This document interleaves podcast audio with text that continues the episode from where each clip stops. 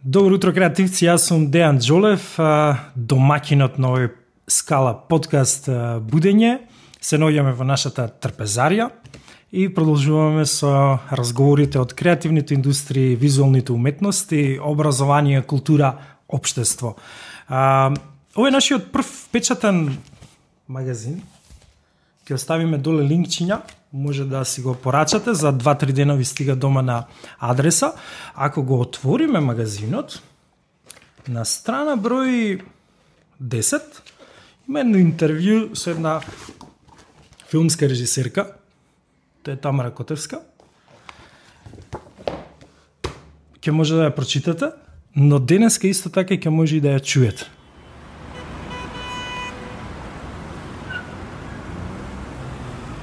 Леле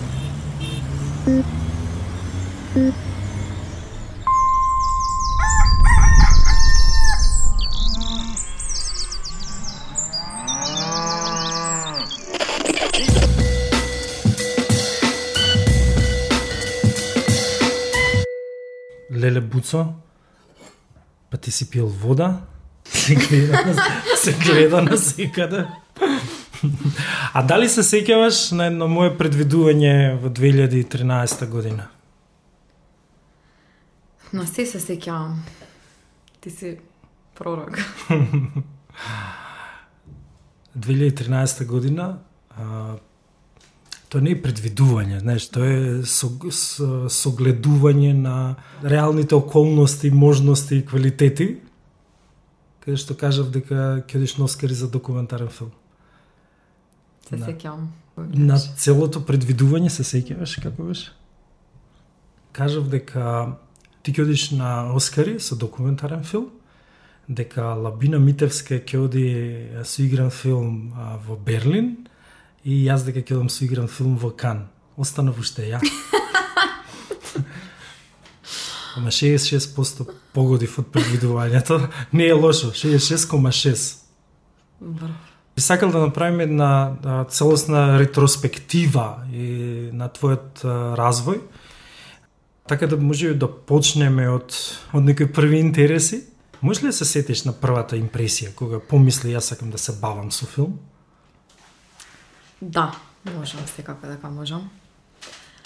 А, првата импресија, мислам прво како како чувство кога го добив тоа, знам дека прво сакав да се бавам со режија, ама во тој момент имавме само а, драмска секција во основно училиште Лазо Ангеловски и тоаш некако само има во глава театарска режија. Ја мислев само рапери од таму излегуваат. Па, претежно, да, има по еден постои нешто друго. И бевме во драмската секција, ни беше како нешто посебно. Имавме многу добри наставнички, што стварно беа амбициозни да некако да ни покажат некои занаетски работи што ги знаеа, што беа над просекот. А, бидејќи двете беа многу страстни за за режија и многу амбициозно ја водеа таа секција со многу сериозни представи и едноставно целото познавање за филм јас го добив од од основна, сушност, од тие две наставнички, Костадинка и Валентина. И а, знам дека, значи, глума во тој период, ама знаев дека никогаш не сакам со глума да се бавам, сакав со режија, тоа ме интересираше, како целото да се склопи, како сетапот да се направи, како да се работи со станатите.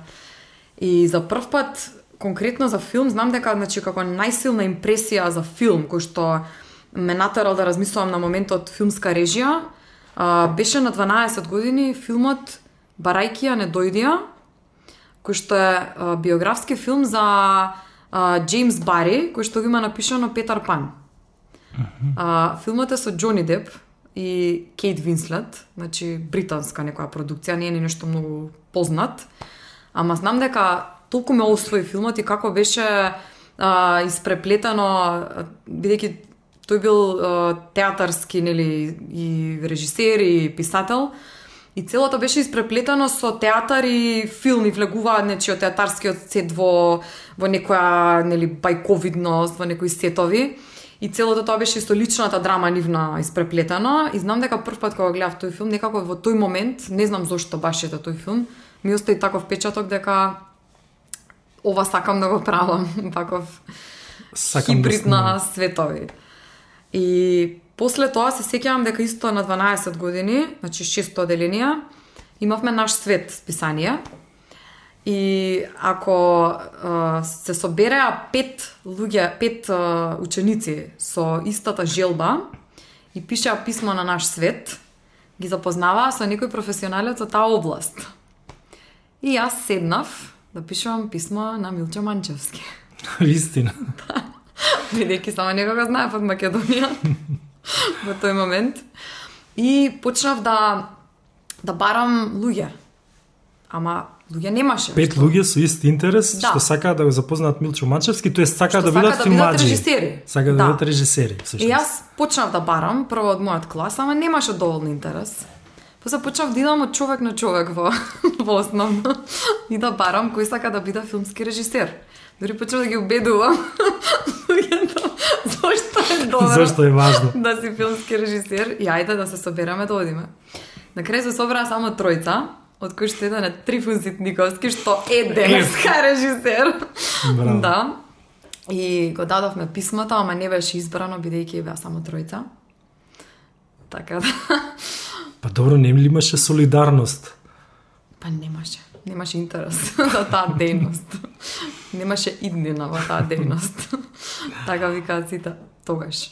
Навистина, значи, тоа се рани години. Да, може да се каже дека се рани, а, меѓутоа таквите интереси најчесто изгледуваат со тек на време, особено со преминување нели од некоја рана возраст во средно, тинејџерски години и се. А, во мојот случај имаше неколку а, ситуации кои што може би се сплет на околности, срекни околности, што едноставно во прав момент ми се случија и не ме оставија да ја напуштам таа страст или да, да се откажам. Например, момент. што било тоа што се случило? Па, например... За да го одржува или да тлее жарот Да. се до 18 години кога Па првиот момент беше кога во, на 14 години, значи на завршување на основно, добивме еден повик од фестивал во Италија, Тревисо во Венеција. Чак Джуниор се викаше фестивалот и добивме повик да учествуваме со краток филм, кој што, значи, кастингот беше за сите школи. Требаше да се соберат екипи, да напишат сценарио, да се изберат актерски екипи и да снимат филм. Ристо Самарджиев беше одговорен за, за тоа, се сеќавам. И дојде кај нас во Лазо Ангеловски, ни го најави ова. И јас знам дека се заминав дома, јас не можев да престанам да скокам, значи скокав, физички скокав, три сати, значи не можеа моите да ме смират, дека јас ќе снимам прв филм и дека ќе одам во Италија. Тоа беше како... Арно ама не го избра нашето сценарио и ние направивме бунт, се сеќавам, значи бевме околу 7-8 ученици, што повеќето од нив до ден денеска, тоа е фасцинантно, до ден денеска се бават со кои со глума, кои со режија, значи многу од нив се навлезени во уметност. И се сеќавам дека правевме бунт. Зошто ние како најдобра драмска секција, ние како најдобрите и се ние така само прогласени најдобрите, зошто нас не не избрале и а, имаше така сериозен отпор, значи не одевме на часови, она сериозно се Браво. бунтувавме до ви момент значало, ви значало и сте бунтувале. и се случи пресврт на целата работа. На крај ни го зедоа сценариото. И а, тоа беше првиот пат да со таа екипа се сними еден краток филм и првото одење на филмски фестивал. И откако прв пат нешто такво ти се случува во животот, после тоа веќе работите изгледаат многу возможни. И знам дека кога се вратив беше веќе крајна година и сакав само да скокнам средно, бидејќи немаше кај нас средно со филм што се занимава. Да отидам директно на факултет. Ама не се случи тоа и влезот во средно ми беше малце а, разочарувачки, бидејќи може и направив лош избор, отидов на математичка гимназија. Во Корчање. Крчаген, да. Тука веќе немаше тука живот за филм и уметност. Ама исто така, во тој период се случи еден од најголемите други пресврти, односно запознавањето со Стефан Сидовски. Во Горчај. Да, во Гарчаген. И тоа беше една таков сплет на околности да не можам ни да предпоставам дека во тој момент може би единствениот а, страстен филмаџија кој што предава во средно, всушност, е таму. Одиш во математичко училиште и го запознаваш Да. најголемиот филмаџија. Сидо, јас го фатив последната година пред пензија. И он не ми беше мене конкретно професор, туку он, бидејќи беше во пензија веќе, одеше во пензија, поради преголема заинтересираност на сите студенти, да, на сите ученици да слушаат негови предавања, он направи отворени предавања по филозофија и психологија за сите студенти, за сите ученици. И така почнавме да одиме секој втор, трет ден на предавање кај Сидо, шо и да имаше, ние бевме таму, отидани. И меѓу другото се случи и предавање за филм. И тоа беше значи веќе втората година од како се запишав нели во Корчагин. И веќе со тој човек работите беа многу возможни. Он почна да ни да не упатува на некои аматерски филмски фестивали. Повторно почнавме да се собираме екипи, да снимаме. Тука го снимив мојот прв официјален безбуџетен филм. И всушност тоа беше до трета година средно, кога ми се случи па третеден пресврт многу голем, кога заминав за Америка. Да слушаш четврта година. А, трета ја слушав, потоа се вратив пошто една година во Корчагин. Аха. Сидо веќе не беше таму, бидејќи замина во пензија. Така. Ама а, да, тоа беше а, тоа беше некоја програма за размена, exchange со Америка. И аплицирав на програмата, иако не бев нешто многу воодушевена да одам во Америка конкретно, не ми било никогаш сон некој особен. Ама сакав да да го имам тоа искуство да видам нешто на страна, да живеам на страна, некако така имав. Ја би сакал да подвлечам нешто. Ке ке се навратиме брзо на на Америка. Но ја би сакал да го подвлечам а, моментот на а, твојата проактивност во однос на постојано и постојано аплицирање а, будност, нели, што можам и колку можам, заминам некаде да собереме ново искуство, да запознаеме нови луѓе, така да таа проактивност е е важна порака која треба да ја подвлечеме, нели? Пошто тие работи не се случуваат случајно. Да, Ние за да заминеме во Америка или за да заминеме на филмски фестивал во Италија на 14 години, треба да се избориме. Вие не сте оделе на настава во осмо оделение, се додека не би било прифатено сценариото. Каква бајка. Така да ми беше важно ова да го повлечеме. Значи проактивност работите не може да се случат случајно. Работите се работите последица на наш труд, на наш интерес. Да, тоа тоа може така да се каже дека ако упорно и упорно се бориш, ќе се случат срекни околности кои што не ги очекуваш дека се таму. Ама всушност мислам дека проактивност директно произлегува од чувството дека некаде ти е тесно. Само така можам да го кажам, бидејќи никој не може да натера никого да да биде проактивен или да биде поамбициозен од тоа што природно се чувствува. Значи, секој што прави нешто повеќе од тоа што неговата средина му дозволува, е бидејќи неговата средина му е мала и тесна и сака да избие од земјата и да порасне некако така јас го, го доживувам. Така да најверојатно тоа ми било мене драйвот што ме Беше мал Корчајин, беше мал Скопје и замина. И замина во Тенеси. Во да Тенеси. што поголемо од Тенеси. Да, ми кажаа дека одам во Америка, ама јас отидов во Чатануга. Uh, не биравме каде не ставаат, во фамилии не ставаа. Uh, пишувавме само, знаме сеи, значи а, апликацијата се состоеше од преку 10 есеи, од по две страни. Тоа е се а, баш сега а, ја најдов скоро сега сега кога се вратив уствари. Не знам нешто барав некој документ, ја најдов апликацијата и не ми се веруваше, некако како е можно Која беше темата на есеј? да не се менуваат. Да. Да, и тоа беа многу интересни, ги имам заборавено тие работи. Беа есеи на секакви можни а, животни прашања, значи од, не знам, опиши се себе и интереси, до што би направил во случај да има земјотрес и ти да си во твоето училиште, како би постапил до Еднаш имаше земјотрес во нашето училиште, каде што учев средно, а, за време додека професорката го делеше тестот. Сите избега и јас го крадов тестот. Мојата се... Извини. И, и така, уствари, таму имав баш тогаш напишано дека сакам нели, филмови, сакам да студирам режија, сето тоа. И они ми ја нашле совршената фамилија, каде што таткото беше снимател во телевизија, во Тенеси. Мајката беше професорка по клавир. најстариот син од пет деца студираше анимација и другите сите беа нешто исто музички, уметнички настроени. О, супер. Ми ја најдоа правата фамилија. Толку беа музички настроени што дури и кучето пееше. Секој пат кога свираа на клавир, кучето пееше. Како што Бумбар е со нас на овие подкасти. Како што Бумбар филозофира, да. контемплира. И ништо, таму живеев една година со таа фамилија И научив многу практични работи од нив. Значи, најстариот син, он беше околу 5 години постар од мене. Студираше во Калифорнија на некој универзитет за, за анимација. И цело време ми праќаше, му кажа дека сакам да научам монтажа. Mm -hmm. Бидејќи ми е многу тешко со компјутери, со програми и тоа се снаоѓам.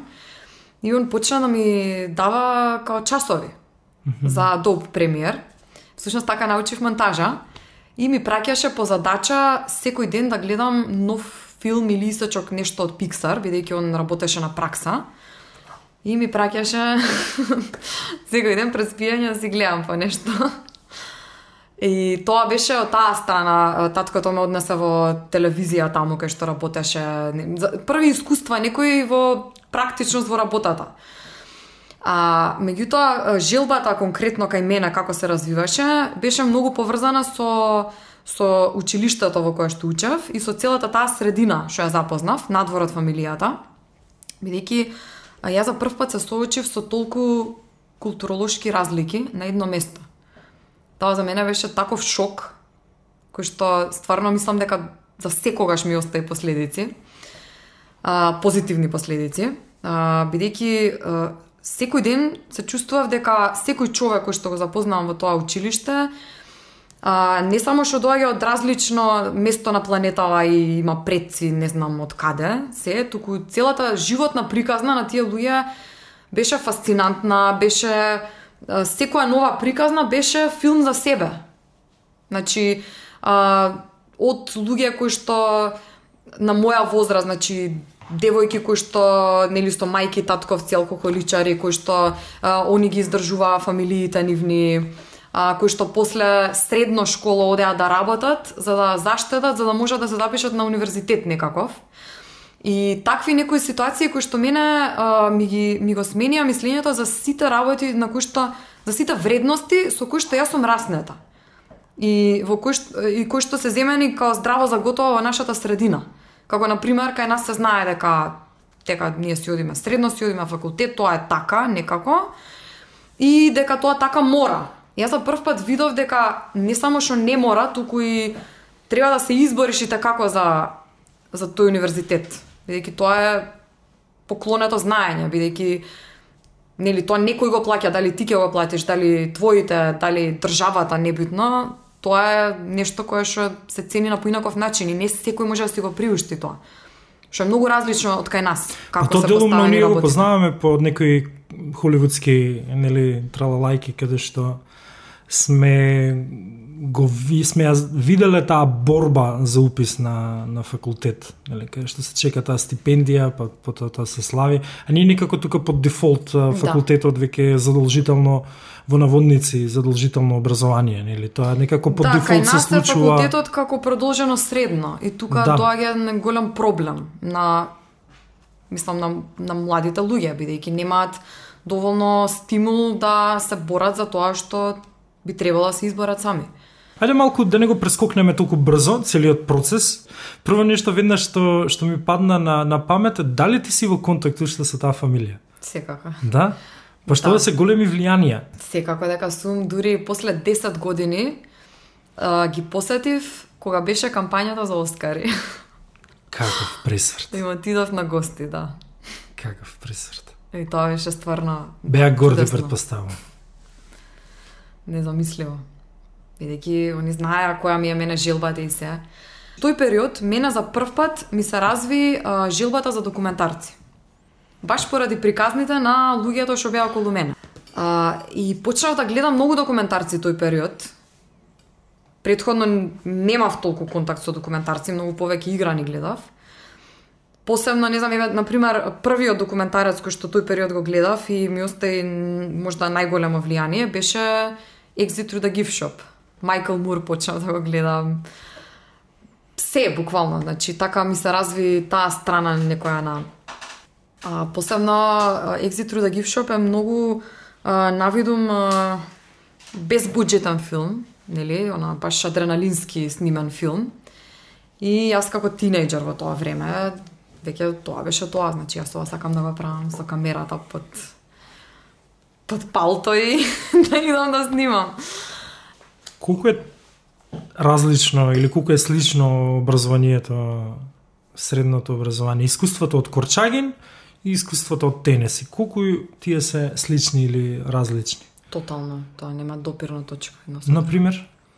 Па, например, а, Ева конкретно нашите нашиот образовен систем, дали Корчагин или небитно нели која школа, а, има премногу предмети кои што прават дефокус на а, на мислата. На суштината. Да. Кои што се премногу теоретски.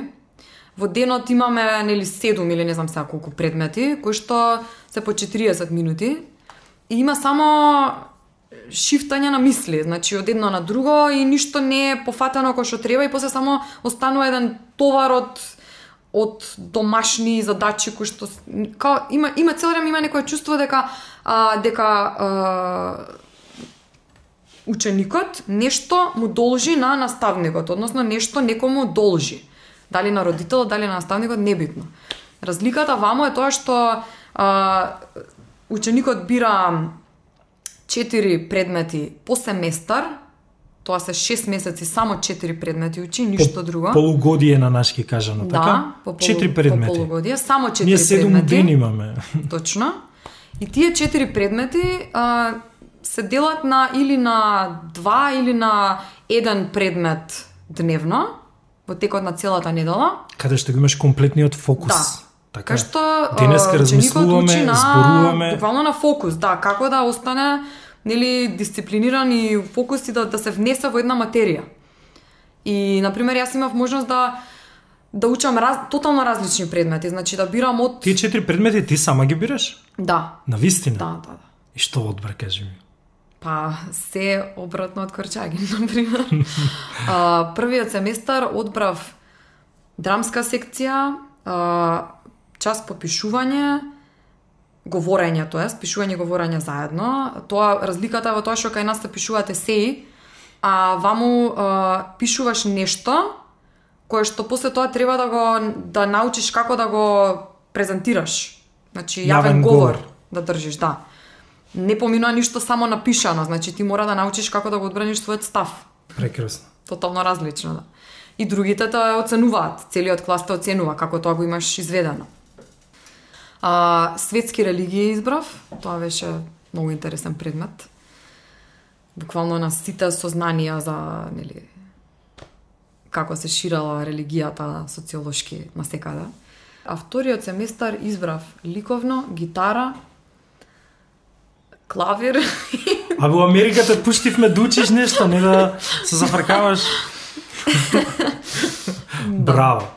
Си учела гитара, клавир, музика, драматургија, јавен говор и пишување. А, и веб дизајн, тоа избрав Оу. последниот семестар, сега ми текна. Да, се спремала за новиот милениум. Да, таму научи Photoshop, Dreamweaver, Maya, нешто, не знам кој беше. Сигурно не постојат веќе. Па тоа е бајка.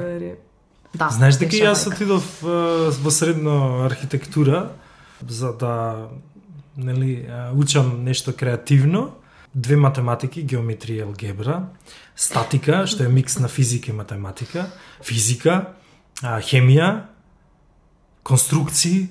Сикам, јас дојдов тука да цртам. Да, да, да. Баш така. Тоа е, тоа е разликата. Голема разлика има. Па ние изборни предмети немаме во високо образование. Па да, немаме. Точно. Ме јас и ти учевме заедно во иста класа, така, на ФДУ. Ке збориме малце подоцна и за ФДУ. И ние имавме обид, нели каде што имавме можност mm. да избереме изборен предмет, али на крај тој изборен предмет ни го наметна и се каков е Да, тој изборен точно. предмет. Ние сакавме да слушаме естетика на филозофски кај Джепаровски, а на крај се случи нешто друго. Али добро, Ни текнува за жал. тенеси. Да, тоа е тоа е главната разлика зашто на пример еве а, еве избирам ликов на пример. И не сум некој талент за цртање. Општо зборам. Јас сите што беа нели присутни го избрале ради предмет. Доаѓаш на час во 9 и црташ до 3. И нема да станеш додека не го направиш тоа што ти е зададено како што треба. Едноставно не те остава и ако не ти оди или ако не си добар, а, ти кажува зошто не си добар, тоа не е некоја абстракција, демек не си добар. Туку ти кажува заради ова и ова не си добар, тоа и тоа треба да го коригираш и ти со репетитивност го коригираш тоа и доаѓаш до неверојатни резултати. И тоа е во секоја област, со секој предмет кој што го има земено. И веќе тука е мислам голема разлика затоа што ти ако во денот имаш седум предмети во кои што во сите нив си лош или делумно добар или незаинтересиран делумно или што и да е, нели не можеш да се фокусираш. Тоа така си останува некако и ем, и добиваш чувство дека па тебе не те бива за тоа, на пример, нешто. Ама не е така, значи само до пристапот во начинот на кој што учиш таа материја е тајната на нештото. И мислам, мислам дека баш тој пристап, сега веќе кога го спомна, ми има изградено на начинот на кој што сега пристапувам со филм. Бидејќи тој начин на мислење, кој што го стекнав таму, продолжив да го применувам одма по враќањето и по запишувањето на факултет. Бидејќи сватив што значи да си фокусиран и посветен на една материја, нели она аутистична, а што значи да си распленет и да нема Па тоа е многу битно затоа што ние постојано по површински греб Да. гребнуваме. Нели ние многу се фалиме дека нашето образование е многу широко, големо, ние ја знаеме целата карта на светот, а американците не ја знаат целата, нели не знаат каде се наоѓа Германија. Па се смееме им гледаме клипови, нели? Па не им треба. Ама они учат студиозност. Така денеска ќе научиме да цртаме и ќе го правиме тоа 7 практичност. сати. Да. Ние дури ни битно самото цртање, туку процесот. Процесот, Не учи на методологија. Така, таа методологија ние во иднина ќе ја примениме, можеби ќе бидеме машински инженери. Нели, процесот, методологијата, упорноста, така? Да, и, и исто така, моментот главниот е чувството на долг, со кој што ние сите живееме, и потоа Така. тоа прераснува и во начин на живот, нели, кога ќе се вработат луѓето, потоа му должат на шефот, му должат, нели, значи твоето време го должиш, наместо а, да имаш чувство дека ти сакаш, ти си во, во надпревар сам со себе, и ти времето себе си го должиш, и, и резултатот себе си го должиш, ти имаш чувство дека некому нешто му должиш и тоа те прави помалку амбициозен, бидејќи има цел време некој што те трга за врат, како да кажам, нели? Да направиш нешто. Као, и така човек станува пасивен. Така И како ја преживеа ти четврта година Корчагин кога се врати? Ја преспав. Многу лошо. Многу. Да. Дојдовме до ФД. Кое беше искуството на на приемниот испит на на ФД? Па, тоа беше Беше стресно искуство или беше многу стресно. Тоа беше најтешкиот испит од 4 години студирање. можеби дека е најнеизвесен или на вистина најтежок? Ајде сега го Па во секоја смисла, мислам, беше прво многу неизвесен, со огромна конкуренција, обемен материјал. Имаше нели недела дена, секој ден, ние по цели денови бевме таму и нешто друго се случуваше, дали различен тип на Да, тестирање. има. дали беше тест за општа култура, дали беше гледање анализа на филм, дали беше снимање, монтажа, есеи, пишувавме интервјуа. разговори, Да. снимавме филм. Да. Да, беше многу турбулентно искуство. Си го сметам така за едно од поубавите победи тој момент. Ти почна веднаш со документарен филм. Да. Да. Ти решаваш да снимаш филм за за Сидо. Да. Доста храбра одлука. Па да, не бев, не бев сигурна дека можам да ја извадам. А, знам дека откако нели откако го имавме тој час кај што беше кажано добро денес размислувајте за теми за документарен. Јас немав дилема, мене тоа ми беше изборот, бидејќи сметав дека прво сакав да му дадам чест на тој човек кој што толку многу ми има научено. А меѓутоа не се осеќав достојна да направам филм за него бидејќи он беше преголем едноставно. И знам дека му се јавив на професоров, наш, на Антонио Митрикевски, и му кажав која ми е идејата, меѓутоа му ја кажав со така со срам дури, како така како јас да спомнам за ова. И он ме поддржа тоа најотворено, тоа е одлична идеја, ако се сложи во ред, ако не, не, нели? Уште една И- тешка скалило. Да, и јас така се видов пак со Сидо, кој што во моментот предаваше на Естра. И исто така со, со тежина го изговорив моментот дека јас сакам за вас да правам документарен филм и мислев дека ќе каже нешто во смисла која си ти сега за мене да правиш, нели студент. Меѓутоа Сидо беше Сидо, нормално. И одма рече, ајде, кога почнуваме со снимање? И така почна еден многу долг и интересен и тежок процес, може би најтежок во текот на студирањето. Бидејќи Сидо прво е еден лик кој што за да се опфати треба години и многу животно искуство. А, беше добро тоа што всушност јас бев многу помала и може би не толку искусна во тој момент и што он немаше гард према мене. Како што би имал, например, доколку некоја филмска продукција му пристапеше и беше поамбициозно целото тоа. И тоа сакаше како некаков аманет да го остави. Така да он буквално се отвори целосно. Значи, дури онака приватно се отвори некои работи ги ги раскажуваше за кои што јас не бев спремна да ги слушнам. Јас не бев спремна да ги слушнам, ниту па ги побарав. И тоа и мене ме порасна. Значи, начинот на размислување да, да го опфатам на, на тој човек, едноставно некако ме порасна пред време, не знам како да кажам, бидејќи друго е да ги слушаш неговите предавања, друго е да го слушаш целиот негов живот и со што се тој се соочил и со какви дури она стравотни ситуации е, и трауми во животот се соочил. И многу размислував во однос на монтажата, бидејќи го имав целиот материјал на располагање со сите негови фотографии, дела, преснимувавме во тој период, знам, филмови од лента ги земавме од а, не само од кинотека, туку од негови пријатели, од стари познаници, ги баравме по телефон, кај се, па се гледа после многу години, па вадеа ленти што ги имаат сочувано, па правевме као проекција, ги преснимувавме од... А, Ги дигитализиравте. Да, ги дигитализиравме. И на крајот бев во една голема дилема.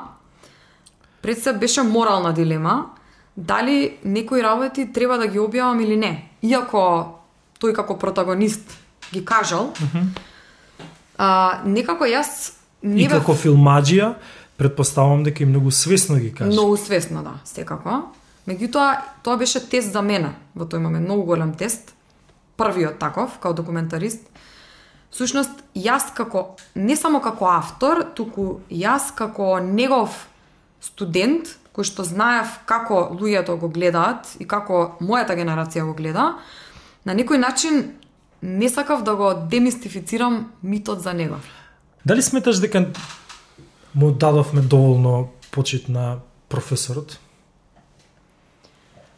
По заминувањето. Како велеше он, а, ние не умираме, само заминуваме.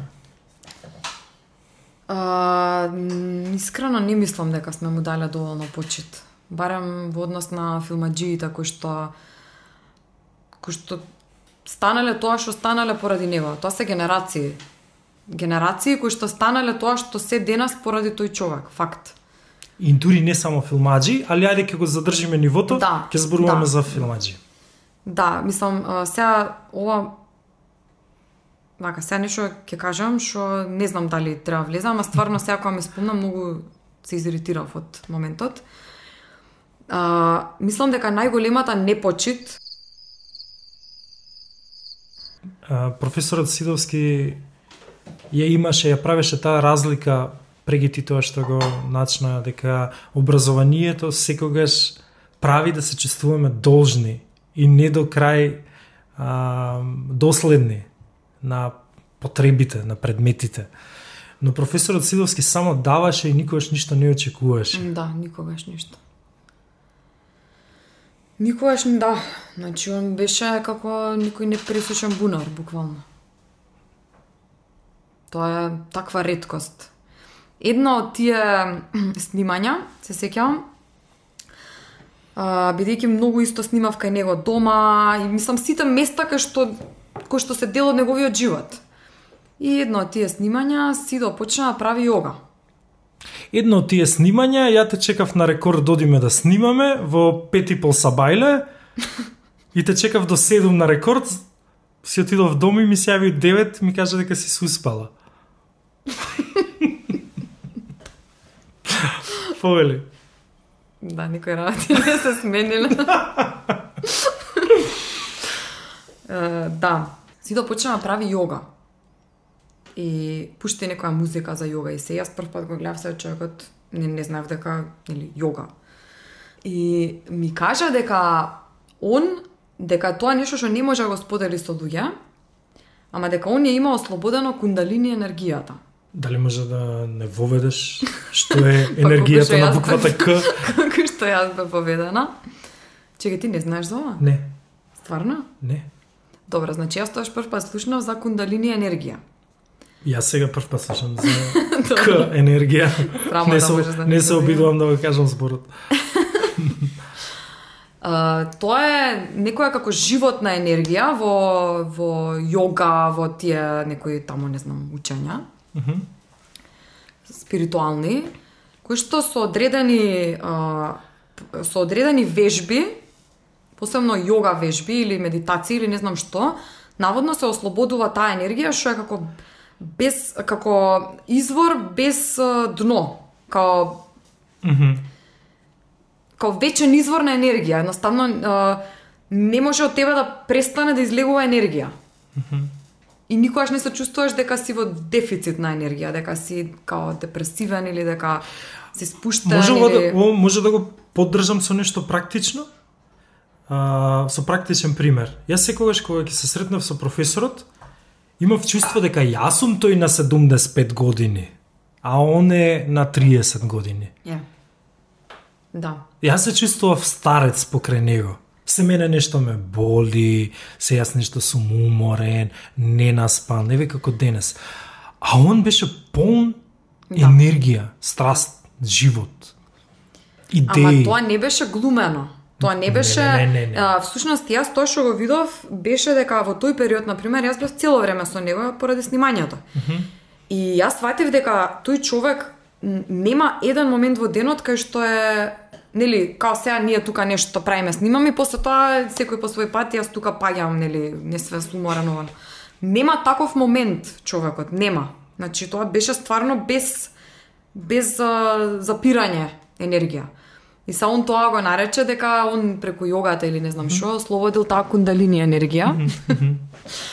и дека он има проблем, бидејќи ако ако некој ослободи според, неговите кажувања, сега да не навлегувам во јога, не знам, ама ако некој ослободи таа енергија, дека а, има проблем затоа што мора да ја исканализира. Затоа што а, вишокот на енергија, ако не ја извадиш од себе, може да створи еднакво проблем како дефицит на енергија, како депресија. Значи, еднаква депресија може да, да, да створи. Така он си го објасни тоа. И всушност он рече дека постојано мора да биде активен, дека од каде и да оди мора пешки да оди да се враќа и се, бидејќи а, има вишок на енергија, кундалини енергија, што едноставно не може да остане во него заробена, бидејќи ќе стане што депресивен. и, што и да е, он го убедил умот, он нашол начин да го убеди умот дека он мора да биде постојано активен. Да. И он беше постојано физички и ментално активен. Неговата агенда почнуваше наутро во 6, завршуваше доцна во денот. Ние заедно си одевме у 10-11 Да. од кинот. Да, чудесен лик, стварно. Чудесен. Многу ми е крива што нема да имаат можност да го запознаат нови генерации. Ја имав таа среќа а, во нашата школа а, да предава неколку предмети поврзани со психологија и филозофија. Джолев и драги пријатели, школа за дизајн и уметност. А, професорот Сидовски предаваше 5-6 години во нашата школа и ја не припуштав негово предавање, иако ја го познавав исто така од, од моите ам, средношколски денови. Како што кажав, ја учев архитектура, но бегав од часови и одев на часови ке Сидо. А на оние и формални и неформални часови што ги држеше во, во школски двор. Да. Кај што да. зборувавме нели за за етика, за психологија, за марксизам, за филозофија, за филм. Ам, и тоа беше моето образование. Многу луѓе мислеа дека јас учам во Корчагин. А Всушност јас киснев на неговите предавања. И тогаш си направи си едно ветување си имав еден ден. Ако имам јас собствено школо, овој човек мора да биде дел од тоа школо. А, да се навратиме на филмот, па и да дојдеме и после до самата а, премиера. Колку беше тој задоволен, колку беше ти задоволна или и публиката? Или не задоволна? Он а, од почеток ми кажа, ти си автор, што ќе направиш, што не ти се мешам, да. И тоа беше исто многу храбро. Мислам, многу работи ме научи целиот тој процес, бидејќи за прв пат јас работев со реален лик, со неговите животни информации. Не било кој лик. не било кој лик, да, мислам, и кој да е лик, сепак ти работиш со нечи живот. Треба да си многу попредпазлив отколку кога работиш фикција.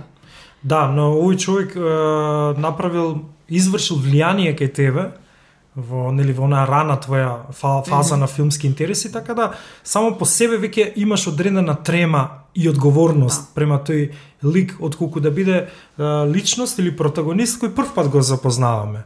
Нели како Да, што може би да. подоцна беше случајот со а, езеро од, од јаболка или е, медена земја каде што протагонистите сепак ги запозна прв пат за време на снимањето на филмот. Да. Но ова беше лик од твојата лична историја. Да, да, многу е различно во секој случај. А, он беше задоволен од од сите верзии кои што ги спремавме во текот на монтажа.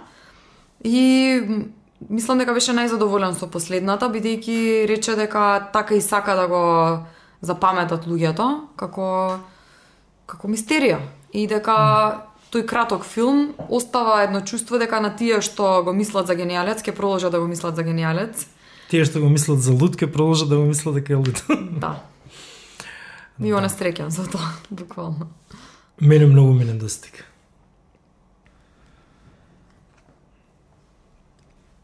Кога Ханиленд а, се врати од Јута со трите награди на Sundance, Mm -hmm. се правеше журка у МКЦ и ја и ти кога се сретнавме, ја ти честитав со зборовите А ова е твоето второ ремек дело. Светот не знае дека ти имаш виште едно ремек дело, а тоа се вика Студанс. Тоа беше 2016 кога се случија за прв пат студентските протести во Македонија. И беа еден феномен кој што нели не, не знаевме никој од нас каде ќе води и со што ќе резултира. И мислам дека целата таа идеја мене лично ми ова мислам до сега го немам ни јавно зборувана. А, мене целата идеја за тој филм ми а, потекна од разочарувањето на од разочарувањето во моите колеги студенти во а, мисијата која што ја започнаа да ја прават. Односно, а, студентските протести беа нешто кое што требаше да биде радикално а, решение за еден заеднички проблем. Меѓутоа, тоа што јас го сведочев беше дека поголемиот дел од сите тие студенти кои што се најгласни на протести, а, по завршувањето на протестите одат во сите можни агенции за work and travel, плаќаат и чекаат да си ја најдат шансата надвор. Mm. Како ефтина работна сила. Да бидеме реални. И мене тоа ми беше толку некако разочарувачки. Поразително, генерацијски поразително. Што се случува со мојата генерација? Да, мислам, мене, мене ми беше тоа недозволиво некако, мене лично. Има, секој си има свое оправдание зошто и како, меѓутоа, за мене, значи, ако правиш револуција, не можеш да бидеш едната нога надвор.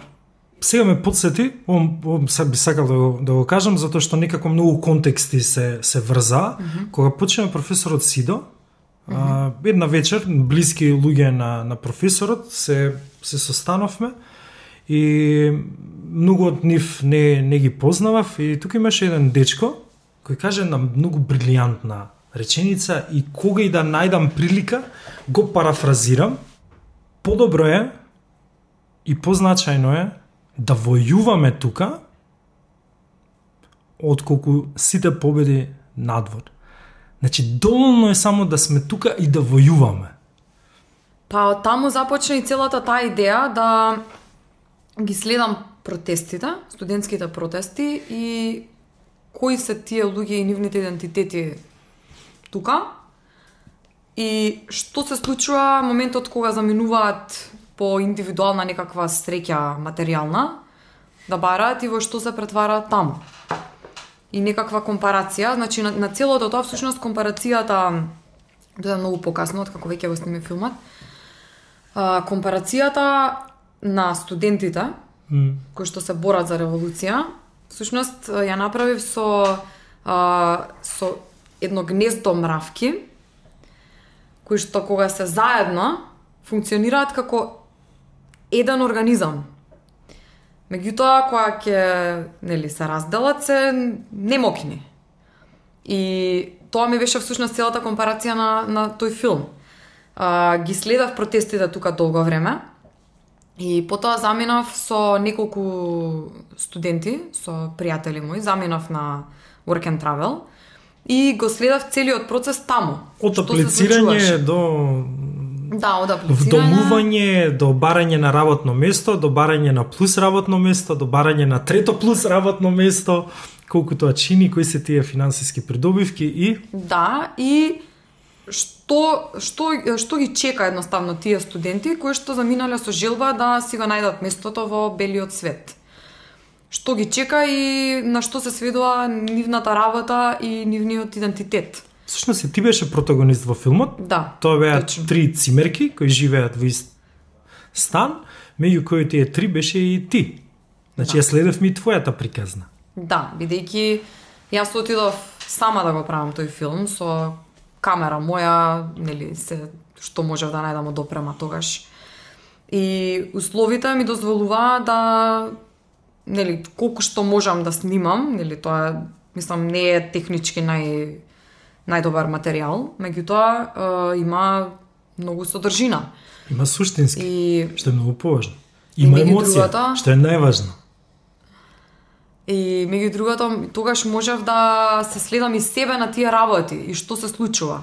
Бидејќи студентите кои што да таму, нели работат по две-три работи. Со тоа направив целата паралела на мравките кои што се пратени на експеримент, кои што цело време работат и работат за да го одржат тоа гнезденце.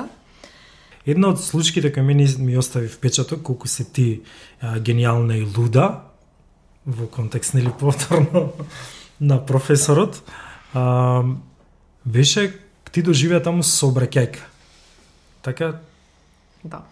те удира кола додека возиш точак. И ти го имаш снимано целиот процес во болница. Скришно снимаш додека ти ја шијат устата.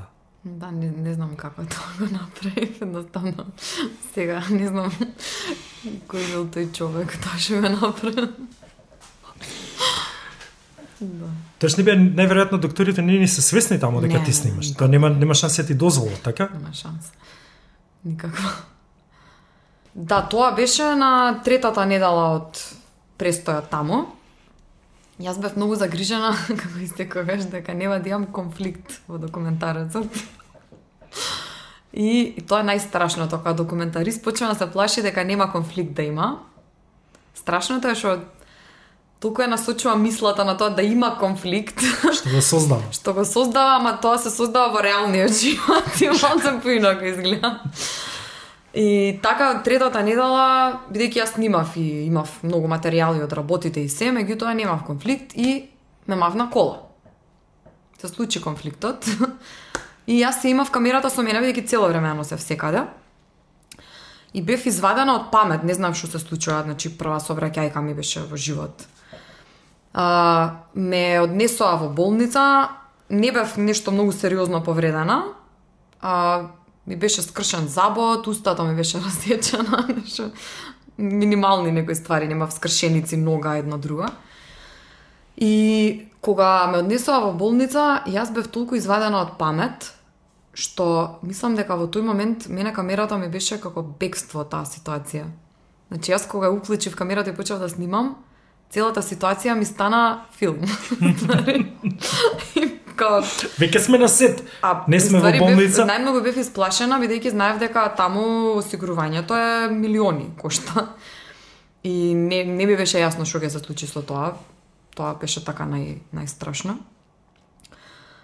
И кога го извадив апаратот, мислам, не ме знае докторите дека снимам, веќе некако си ја прешалтав мислата низ призма на филмот, како ова ќе изгледа во филмот. И после веќе ништо не ми беше важно. Така да, Да. И тоа ми беше најголемиот показател за колку сум спремна за документарен филм, најверојатно, да. Кои беа тие најголеми препреки што ги имаше за време на тоа снимање? Предизвици. Пошто се, прв- се беше про целиот тој филм е сниман тајно. Сега никогаш тоа не би го направила пак. Бидејќи сега едноставно имам други а, други предизвици. Значи сега сакам тоа да изгледа прво синематски да биде богато целото. Второ ми е многу битно сега да изградам доверба со протагонистот за да значи вештината е во тоа да да извадам максимум од тој протагонист свесно. Не несвесно. Едноставно друга е сега нивото на Но- уживање во, во работата, сакам Повторно да немаше лесна задача затоа што ти тогаш патуваше со твои најдобри другарки, цимерките беа твои блиски Да. а, пријателки, другарки, така конфликт на приватното и интересот кон филмот, затоа што ти можеш тие личности да ги повредиш, а тоа ти се блиски ликови. Колку па тука етиката, колку тие протагонисти дозволија или колку ти успеа да да се наметнеш како режисер и да издействуваш нели да добиеш позитивен материјал кој ќе можеш да го користиш затоа што ја верувам дека можеби постои материјал кој исто така ти си рекла окей ова ќе остане запечатено и никогаш нема да биде објавено. Да, да. Па да, не беше лесен процесот, особено што а, нели тие мене ми се многу блиски другарки, меѓутоа кога се уклучува камера, јас ги гледам како протагонисти на филм. И тука е главната разлика. И пристапувам према тоа што, значи се, се што ловам на камера е тоа што би било интересно за филмот. Веќе не пристапувам во тој момент од позиција на пријател. Значи друга друга сум кога не размислувам на филмот, друга е кога размислувам како да го вметнам тоа во филмот. И сега на почеток имаше тука проблеми. Не беа опуштени, некако така имавме некоја недоверба во целата работа. Меѓутоа, како што течеше процесот, а, толку се внесоа и двете, и им стана толку интересно целото тоа, што и најверојатно и многу почнаа да веруваат во идејата, бидејќи се најдоа исто окупирани од тој систем капиталистички во кој што сите бевме дел. И некако филмот ни стане исто начин да се искажеме, да се изразиме во, во тој затворен систем во кој што бевме као машинерија некаква, што не изаде. И почна во секој момент кога јас не бев таму, почна они да ја земаат камерата, сами да се снимаат. Имаше од ситуации со пожари, со палење на кујни, од восоци за депилирање до до до купување на машинки за тетовирање, до татуажи. Има таму една револуција во тој филм, па една од протагонистите е Ина, Да. позната скопска тату а, тату артист која токму таму почна го пече за наетот. Да. Првата тетоважа ти ја имаш овековечена на, на во кадар. Да, да. А, да, Немля се ствари потекнува од Масачусетс. од подрумот во Масачусетс. Јас се сеќавам дека ти многу го обожаваше uh, Македокс mm -hmm. и тоа ти беше некоја мисија дека овој мој дипломски филм сакам да имам премиера на Македокс и тој се оствари. Премиерата беше на, на Македокс, на отворена сцена. А, потоа, каде се филмот заживе? А, па, филмот, прво, кога се вратив со материјалите, исто тоа е интересно да се спомна дека не бев најдобро прифатана на факултет кај нас. А, бидејќи ми кажа, добро, супер, ти сега си снимала, ама што со тоа? И јас им реков, сакам да дипломирам со овој филм. И не ме сватија сериозно некако. Така, не знам, не знам зашто. И тогаш уствари за прв пат исконтактирав со со едно од нашите најдобри студија за монтажа и за документарци, Filmtrix. И со Атанас Георгиев така Тога се запознават. Да, ми дадоа број негов, му се јавив, му кажав, имам... на Медена земја. Да. Всушност јас така е, излегов од факултет. Таму почнав да го работам филмот, да го монтирам, година дена го работев. И, уствари, додека бев во тоа студио, ја запознав наизменично целата екипа која што подосна се склопи и која што продолжи да работи заедно пет години. И на Езеро од Јаболка, и на Ханиленд, и до ден денеска. Така да, тоа ми беше многу битен чекор надвор од факултет. Клучен, Клучен, професионален. да, клучен, најверојатно клучен. И како настана целата таа приказна, всушност бидејќи монтирав таму година дена, имаше секакви ликови кои што ги запознавав во таа година. Многу различни профили, нормално студенти на факултет кои што веќе сите ги знаев, нели, моите колеги. И меѓу другото, тука сите се излегуваа на кафе, се споделуваа проблеми кои што има со филмот, едно друго, нели? И јас еден ден излегов, имаше двајца луѓе дојдено кои што беа Љубо и Феко, всушност не ги не знаев кои се. И реков, не знам што да правам, не знам кај да Феко е најдам снимателот на покрај Самир Љума и вториот снимател на Fame It Out. Fame It Out. И реков, не знам што да правам, не можам да земам авторски права од BBC, од документарците за мравки, за да ги ставам кадрите од мравки во документарецов. За споредбата што ја правев на студентите со мравките. А предходно пишував месец дена писма до BBC, па дали може да употребам кои кадри од кој филм и сето тоа. Немаше одговор, фала Богу. И седам тука тотално разочарана и одеднаш Љуба вика, па ние имаме два дискови со мравки. Феко, кај се дисковите? и Феко ми даде два дискови преполни со материјали со мравки. Едноставно. И тука почна првата соработка на тој тим. И има, мислам, доста од тие кадри употребено. И требаше да се Зашто има два дискови со мравки? Да, па секакви фрикови таму се врта. да, прво зашто мене би ми требале кадри со мравки, па некој да има дискови. Затоа што тие двајца во тој период работеа строго документарци за животна средина, за инсекти, растенија, за е, нели заштита на животната средина. И меѓу другите инсекти има и мравки. И супер, така си тргна целото тоа и мене ми остана уште еден последен кадар што ќе го памтам до крај на живот. А, последниот кадар на филмот требаше да биде експериментот што го прават со мравки, кај што една мравка ја заокружуваат во круг со пенкало или со маркер и мравката не може да излезе од кругот, се се бори, се се губи внатре во кругот. А, значи има фиктивна пречка, бидејќи всушност ја допира нели хемикалијата со пипците и тоа за низа е закана. Ама тоа изгледа буквално како да има некаква фиктивна а, умствена пречка да излезе од од а, замката. И јас се замислив дека тоа мора да биде последниот кадар од филмот.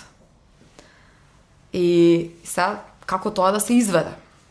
И му спомнав на Љуба и тоа беше всушност нашата прва соработка. Значи, му кажав, еве, ти имаш искуство во снимање на мравки. Требам... да. Експерт за мравки. дали, дали ќе може да ми помогнеш еден кадар, ми треба со мравки да снимам. И прво тоа беше во март. Мравки немаше тогаш. Така да ние почнавме да собираме, значи сите мои блиски пријатели, роднини, се собираа мравки. Остававме лебови на маса, благо, се и собиравме секакви типови, бидејќи дознавме дека не секоја мравка останува во кругот заглавена. И собиравме кутивчиња со мравки и мислам дека недела дена, секој ден по 2-3 сати правевме обид да се сними тој кадар. Со пушти една мравка за окружија, ќе избега друга, трета и после, не знам, недела дена ни успеа кадарот конечно. И свативме дека ние мора да работиме заедно. А ако ова ни успеало, значи тоа е тоа. И така почна со работката.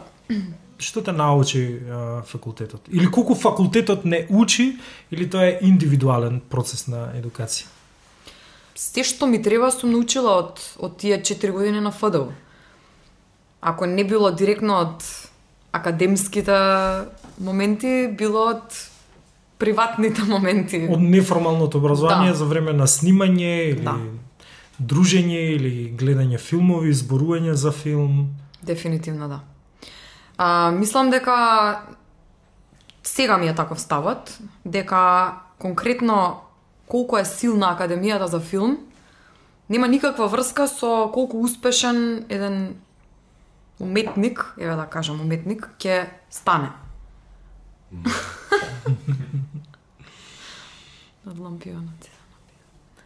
Да, бидејќи светот кој што се случува на една академија за филм е во бабл еден функционира. Тоа е како некој паралелен свет, значи нема толку врска со со реалните околности е, во професијата и како еден човек ќе се развива од факултет понатаму. Да, но дали можностите на други универзитети, каде што имаме поинакви услови, не зборуваме сега само од наставен кадар, туку и од логистички Да, можностите се поголеми на други факултети, ама не мислам дека тоа е предност, напротив. Мислам дека дека не е предност, бидејќи како студент, посебно нели ти од 18 години доаѓаш, та не сите нели, ти покасно еве дојде. Јас дојдов на 18 други луѓе, директно од средно доаѓаш со нула искуство. А, во средина кај што пример кај што немаш никакви услови за работа, кај што треба да почнеш од нула и да научиш на потешкиот пат како нештото да го оствариш, да, да создадеш нешто што не постои, реално. Значи импровизацијата е мајка на знаењето. Бидејќи на универзитетите кај што има можност од почеток, кај што ги имаат сите услови за студентот да да сработи еден филм, а, со можеби финанси, со многу добра опрема и се, и нели? Студентот едноставно учи на, се учи на таков начин на работа и кога ќе излезе од таму се наоѓа тек тогаш на почетокот. Кај што не знае од кај да тргне. Кој ќе излезе од а, институцијата Да. и што сега. Да, а нашата институција а, има огромен дел на пракса, на оставено е голем дел на самите студенти да се изборат за а, за тоа што сакаат да го направат и Види, Така јас то, го гледам тоа. тоа оставање на себе, нели како што кажа, оставени сме на, на самите себе. А, мојата бунтовност била дека ние сме били оставени на себе не поради свесна тактичка програмска идеја од страна на универзитетот, тоест факултетот, туку тоа било од, немоќ, од, од неможност, mm -hmm. од па да, ама таму имало професори кои што давале се од себе Па ја, и ја би сакал токму тоа да го зборуваме а, за убавите страни. Дали може да се сетиш а, или да, да ни споделиш дел од тие позитивни а, влијанија кои Секако да. За мене мислам дека повеќето беа позитивни влијанија од професорите, бидејќи прво на вистина правеа се што можеа, се што знаеа. М. И тоа што јас го доживеа во тие 4 години, да нормално имаше нели пречки и проблеми и се, меѓутоа повеќето од тие професори се трудеа да помогнат или беа или кога беа повикани на помош, возвраќаа со тоа што може они да помогнат. Не знам, би сакала Синоличка да спомнам во секој случај. Што многу ја сакам. Би сакала Блажевски да го спомнам. Митрикевски сто би сакала да го спомнам. Сашко Насев. Сега не можам сите да ги именувам, ама секој даваше тоа што знаеше. Колку што можеше, колку што научил и колку што знаеше да пренесе и на начинот на кој што знаеше да го пренесе, го пренесуваше. И мислам дека на крајот од денот ние научивме да го земаме тоа што ни треба, што е многу побитно. А, пример еден кој што го сведочев малце покасно, кога се случи целата турнеја со Оскарите и се, бевме повикани да предаваме на факултет на Беркли за филм. И тоа е еден од, од не знам Позначајните Да, позначајните во секој случај, да, сега, да не, не Ако не е назначен во на американското тло. Не знам дали е најзначаен, ама да. Од аспект, од аспект на уметност. И... Да. И имавме предавање и тоа што го видов е дека студентите кои што беа таму, кои што претежно беа моја возраст од прилика нешто помлади и тоа, а, им недостигаше една главна карактеристика, а тоа е снаодливост и малце да се побунтовни. Mm. А, бидејќи тие со самото тоа што постигнале да се запишат да студираат на Беркли, тоа име им одзвонува како нешто што по дефолт е гаранција за успех. И луѓето кои што доаѓаат таму или кои што предаваат се од едно многу повисоко ниво на нели имиња, професори, сето тоа. И таквите работи ствараат некогаш кочници. Тоа што го правиш, го правиш за дали на некој ќе ќе се допаднеш, нели како тие големи луѓе, дали ќе ти се смеат, што ќе биде ова. А баш тој период е толку пресуден ние како студенти да се откачиме буквално и да се глупираме и да правиме и грешки, буквално едноставно да, да не бидаме насочени на моментот како нас ќе не гледаат и ќе не оценуваат и дали ќе ни се смеат. Да, ќе ни се смеат.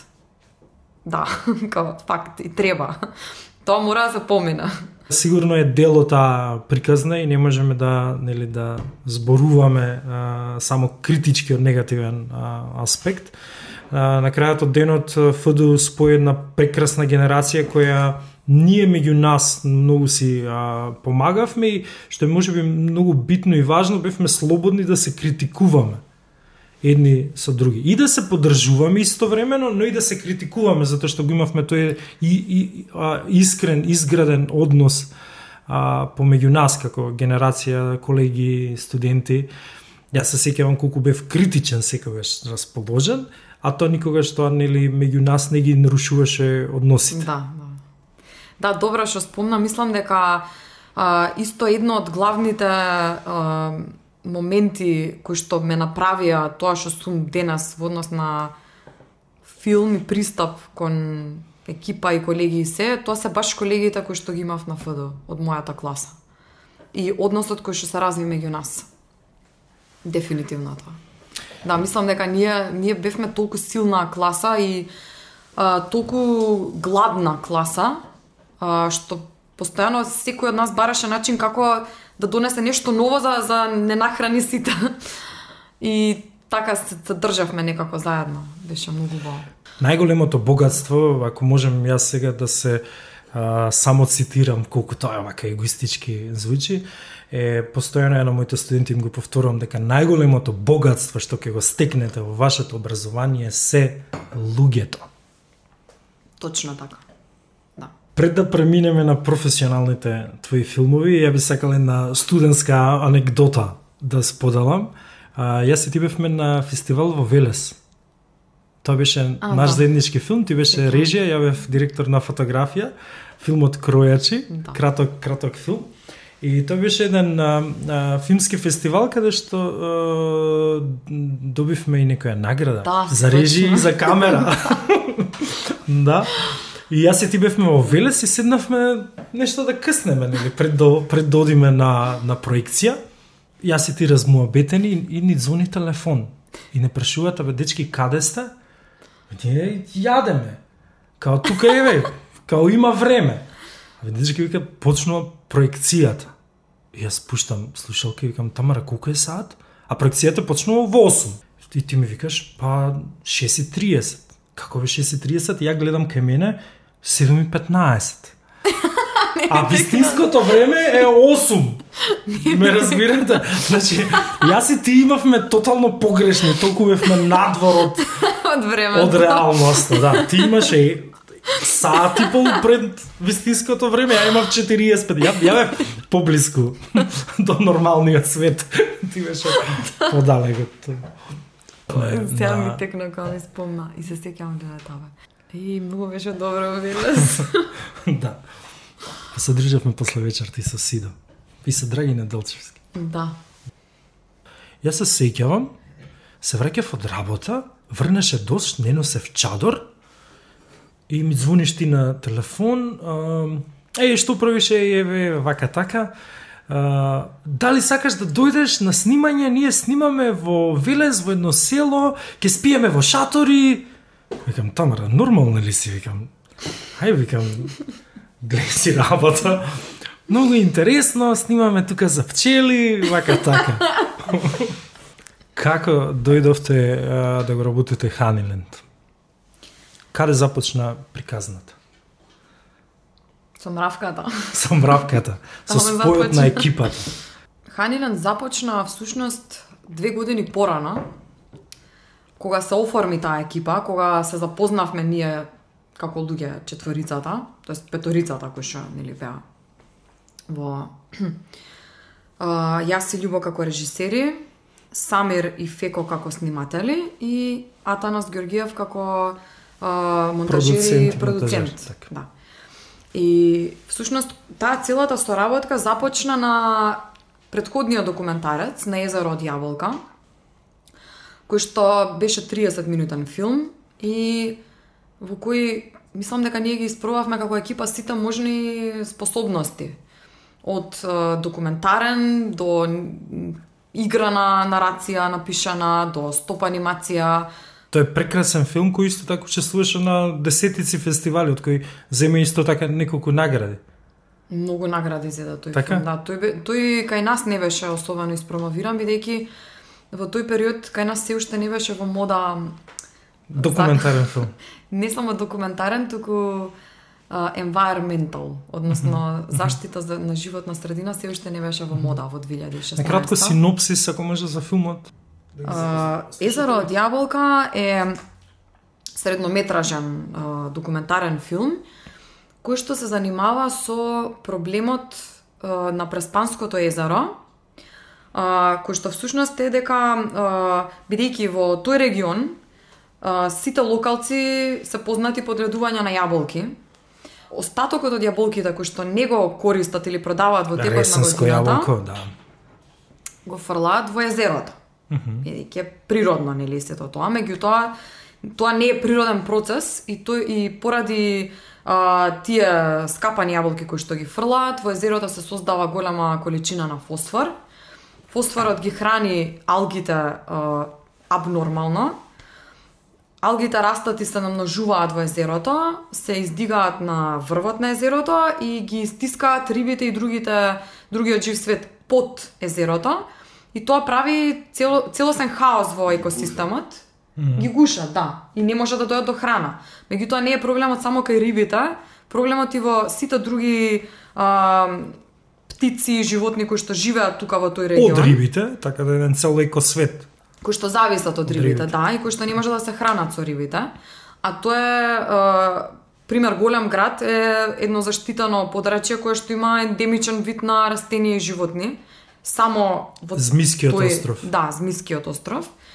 Кормораните, е, жилките, пеликани кои што живеат тука, значи целиот жив свет се почнува да се истребува поради тој еден проблем кој што го создаваат локалците, а меѓу другото и локалците имаат проблем бидејќи не можат да ловат риби, а поголемиот дел се рибари. И ова е нешто кое што било истражувано 15 години од UNDP, Кој го предизвикува проблемот? Претежно локалците го Токму така, тоа било прашањето. Да, да, прашањето на филмот е кој го од каде потекнува проблемот со со рибите во Преспанско. И целиот филм е направен како трилер на некој начин, истражување, значи ние не почнуваме од проблемот, еве ги локалците тоа се случува, туку ние почну, а, мислам, а, не про- не почнуваме од кој го предизвикува проблемот, туку од самиот проблем и како мистерија, всушност каде се рибите во Како истражување. како истражување и одиме наназад, наназад, наназад, што се случило и како доаѓа до тој проблем, како се тоа е исповрзано едно со друго. И кога прв пат го почнавме да го работиме, а, бидејќи другиот режисер а, долго време работи со со сличен тип на организации за заштита на животна средина во земјава, а, него му има дадено една табела со бројки. Две страни, табела испишана со колку тони јаболки, колку Тоа беше твојот синопсис. Да, он ми рече, еве, Ова ова, види го, прочитај го, за ова треба да се смисли филм. Како видов. Тоа и то таму почна најголемиот предизвик за мене. Мгм. И поред почнавме истражување. Што е со вода, што е со риби, каков тип на риби, каков тип на пеликани. Најважниот и најзабавниот процес за, за нели за во, во текот на снимање филм, Да, истражувањето. Да, мислам и за мене и општо и тој филм е бил најзабавниот процес на снимање. Нешто што многу често знаеме да го прерипаме. Чисто како култура и навика на создавање во спомен. Истражување? Да. Да, дефинитивно.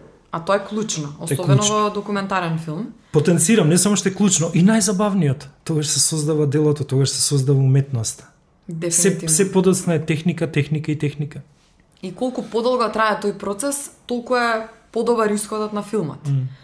Ние истражувањето го почнавме уште во декември. А, со прво со литература, со теорија, со документ кај што стававме информации, вадевме и сето тоа. Потоа ни дадоа листа на локалци кои да ги сконтактираме, па тргнавме, почнавме со истражување во Преспа.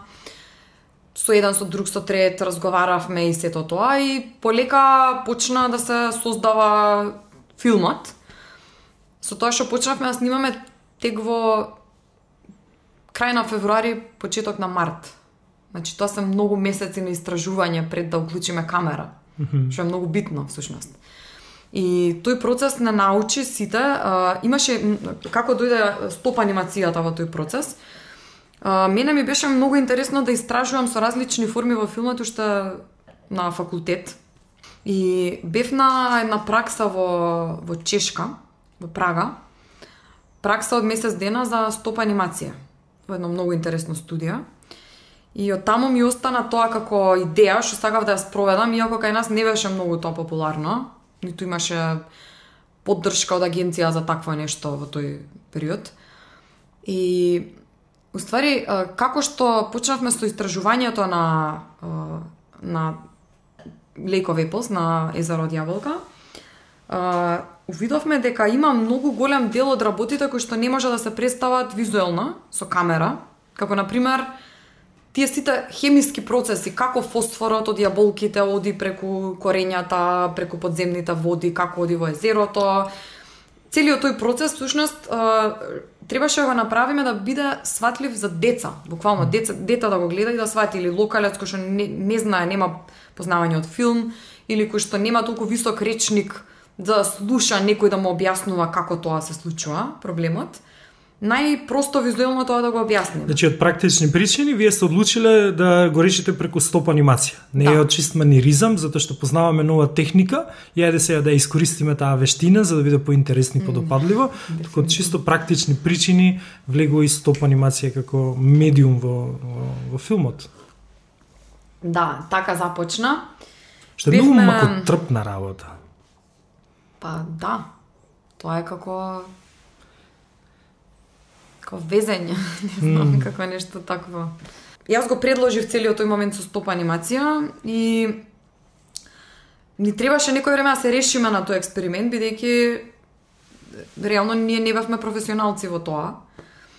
стоп анимацијата работевме тројца, кои што исто така само што излегува од факултет буквално, значи никој немаше некое особено искуство во тоа. А, но се втурнавме во еден процес на учење, на експериментирање. А, одевме, например, во... Мислам, многу гледавме на YouTube работи, како тоа се се прави, учевме а, програми, како да ги споиме слоевите, леерите во стоп анимација. И многу често, например одевме а, во FX Tricks која им беше паузата, И ќе почнавме нешто муавет, здраво ова, она, ние сме тука студенти, нешто работиме едно друго. И ќе се развие муавет, а да не знаете како се одделува гринскринот. Онака случај. И секој ден така помалку. По едно прашање. И еднаш имаше еден многу добар дечко исто што дојде за нас И бидејќи работев со еден колега, со Мартин, и Мартин многу се срамеше дека ние ништо не знаеме ствари како тие технички работи да ги склопиме. И дојда, овој беше, мислам, така си работеше по-професионално во FX3X. И дојде и не знам дека ни ја кажа главната тајна, значи ние не знаевме како да извадиме мрежа. Баравме, беше многу интересно бидејќи баравме начин како сите предмети од реалноста да ги представиме со предмет во стоп анимација. Пример, мрежата на рибарот, како ќе ги лови рибите, за да тоа се гледа и се. Што во размер е 1 према 100 и кој е тој елемент, предмет кој ќе симулира биде, да, рибарска мрежа. И тоа се изгледа различно на камера. И да. сега правевме листи, па идавме купувавме, не знам, Мартин купуваше хулахопки, мрежасти, не знам, јас таму купував од пазар некои вреки, чуда едно друго. И пак не можевме никако да одделиме мрежата од позадината. Бидејќи на грин скрин не успеваше. И дојде еден ден, не знам како тоа успеа, му објаснив јас на овој еден дечко што работеше таму во FX3X, што правиме и демек викам дали може нешто да ни кажеш како некои основи. и вика ајде ќе поминам, ќе дојдам, ќе ви покажам. И знам дека Мартин беше толку устрамен од моментот дека ние што правиме тука материја. Во нашиот подрум. Да, во подрумот. И овој дојде ни ги кажа као тајните на животот. ни кажа дека не се работи само green screen, стоп анимација, туку може со секоја боја да се работи стоп анимација, со blue screen, со red screen, со black screen. И тоа беше као такво откровение, се сеќавам. Ама сакам да кажам, не преки на факултетот и после студии. И ствари така и ја совладавме тие, мислам, тие технички работи што беа на стоп анимацијата. Ги совладавме. Иако беше многу ризичен процес, бидејќи сепак некој плаќаше за тој дедлайн, филм. некој го Имаше дедлайн, да. Меѓутоа на крај со заеднички сили се успеа да се направи и излезе едно многу многу убаво дело на крај една комбинација на документарен, mm. игран и стоп анимација како екипа и исто сте се навикнале еден на друг и мотивација да продолжите во друг проект. Да, и уствари тој проект ни покажа на сите ни даде на храброст дека ние можеме заедно да работиме и да експериментираме и да бараме нови некои начини на изразување во филм. И благодарение на тој филм ние продолживме во процесот на Ханилен многу спремни. И веќе mm. знаевме како да пристапиме, знаевме да. дека треба истражување од неколку месеци, знаевме што се може со, да се измеша како жанр, како стил и се. Се има нешто благодарение на ова се случи ова, па после благодарение на ова се случи ова. Колку е важен тој нели цел Раст. процес дека целиот развој дека не е ништо преку ноќ. Да, дефинитивно. Туку секогаш е последица едно на друго, едно на друго, едно на на друго. Сега доаѓаме до моментот каде што ти ја натера мајка ми после 20 години да оди у кино. А, а тоа е филмот Ханиленд. Како се случи, кој кој беше почетниот почетниот брифинг или кој беше почетниот синопсис, каде започна а, приказната на на на Ханиленд? Тимот е тој? Да. Си одиме од Преспа, сега одиме малце по а, северно Всушност, и снимаме беше... филм за што? Планот беше, кога ние почнавме да работиме на Езеро од Јаболка, требаше едниот да биде uh, 20 минутен филм, другиот да биде некое 10 минутно видео за заштита на животна средина. Тоа беа како тезга проекти. Два проекти кои нели се во план. И се, Се во план, ама главниот беше Езеро јаболка. Тоа Така. беше како ова другото беше како реклама нешто. така. И јас бев многу стрекна бидејќи тоа ми беа први такви Реклама нешто, тезги. реклама нешто е всушност Ханиленд. Да. Така, одиме дале. Реклама нешто. И, и добро, јас реков супер, ајде, нели, пред да ми се случи кариера официјална, еве нешто ќе поработам на некои тезги. Само да не ми одзема многу време. Дока одеднаш- 4 години максимум. И го завршивме езеро од Јаболка и тргнавме во Брегалница, нели, кај што Љуба и предходно имаше истражувано, бидејќи имаше работено со таа организација во тој регион. И имаше правено доста некои такви кратки документарци за животна средина. Знаеме, знаеме за двата хардиска со мравки, нели? Така, или другото. И всушност... Замисли колку хардиски со бумбари има. Да, со скарабеи. Со скарабеи има најмногу. Како да нема? Да, како тркалаат А, грудки гумна. да, тоа има многу материјал. Има за, за Не, цел е. филм сам по себе да се направи. И ништо отидовме во во Бекирлија. Неколку пати одевме, а, ги запознававме ликовите, а, бидејќи Атиџе всушност локалците кои живеат на Да. тој некој регион, така. кои што живеат тука, а конкретно Атиџе, а, всушност, која има откриено како лик, а, колеги на Љуба кои што се занимаваат со змии, со означување на змии. Има ли нека нормална професија, ќе кажеме или некој? Да, Така. инаку тој беше многу интересен момент како ги запознав нив, морам да се пришелтам. Прв пат кога бевме на езеро на на езеро од Јаволка на голем град. А, прво знам одиме на кај голем град, тука се сликаме, одиме на Змиски остров, нешто објавуваме слики. А на вистина ли имат многу змии? Врие змии. На вистина? Да, да, да, врие. Има само змии, црни зајци, Црни зајци црни зајци и геј жилки. и геј жилки. Да. Тоа е екосистемот на голем град. Каква утопија. И одиме натаму, нешто објавуваме, знам слики сите на Facebook. Не знам како да го сватам и ова црни зајци. како сакаш. Метафорично. Uh, и пишуваат луѓе да ме кај одите, вие как, да ме каква професија работите, нешто колку е чудна. И ние стигаме на голем град и првата слика што ја гледам, си викам, леле, стварно ние работиме најчудната професија на светов, онака кај ќе се најдеме, никој нема да се најде. И еднаш стигаме на голем град и јас гледам една жена со црвена коса пуцвал, со еден друг дечко и една девојка, држи она држи змија за глава. Овие за опашка нешто ја држат змијава, едниот нешто шкргите ги брои. И жена вака о здраво ни вика и вака ја прави на змијава, значи нешто истиснува и од змијава излегува гуштар. И жена ми вика, о, појела ја гуштар. И вака, Јас си викам, добре, не сме најголемите чудаци, има и други. И всушност змијарите, кои што се многу пресудни за живиот свет во Македонија, кои што прават попис на на живиот свет, истите тие оперираат во сите овие подрачја. И меѓу другото и во Бекирлија. И они се првите кои што имаат запознаено Атиџа.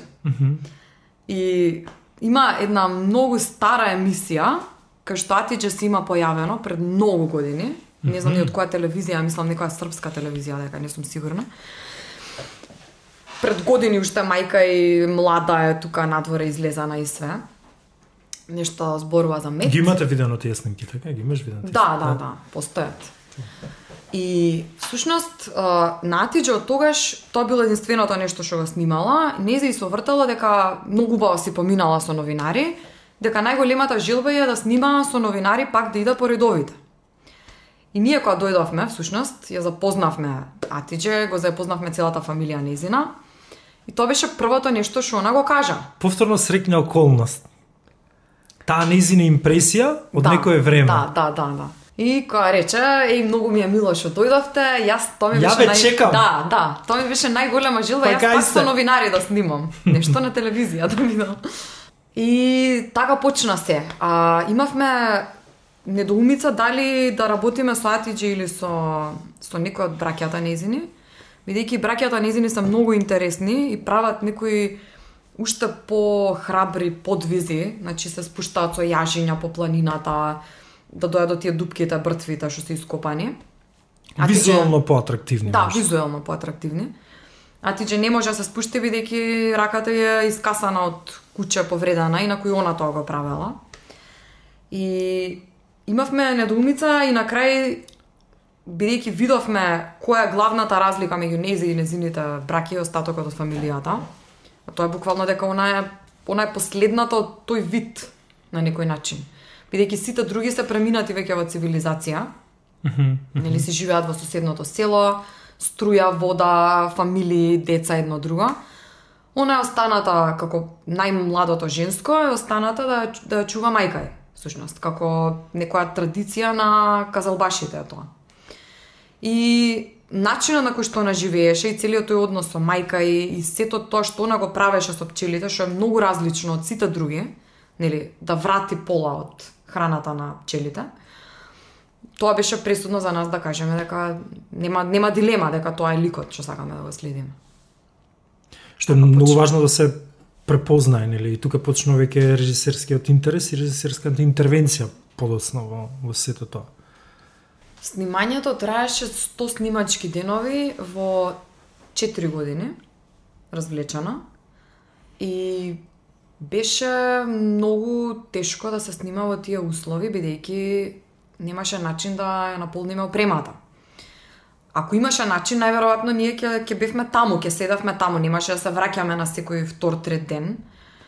А, меѓутоа немаше начин. А, пробавме еднаш да донесеме агрегат, ни се расипа. Прво не можевме да спиеме од агрегатот, не можевме да снимаме бидејќи цела планина ечеше од агрегатот. После се расипа и свативме дека нема нема начин. Така да тоа беше голем предизвик да да се решиме дека ќе оправиме ова со константно одање, враќање, одање, И се знаеш што ме интересира? Ти спомна дека тоа е двата проекта, Езеро Јаболка и, и Ханиленд, кој тогаш не беше Ханиленд, тогаш беше кратко 5-10 минутно видео. Како се случи Ханиленд? Како отеднаш вие на клиентите им велите, е, дечки, знаете што? Абе, ние сакаме да снимаме филм за ова.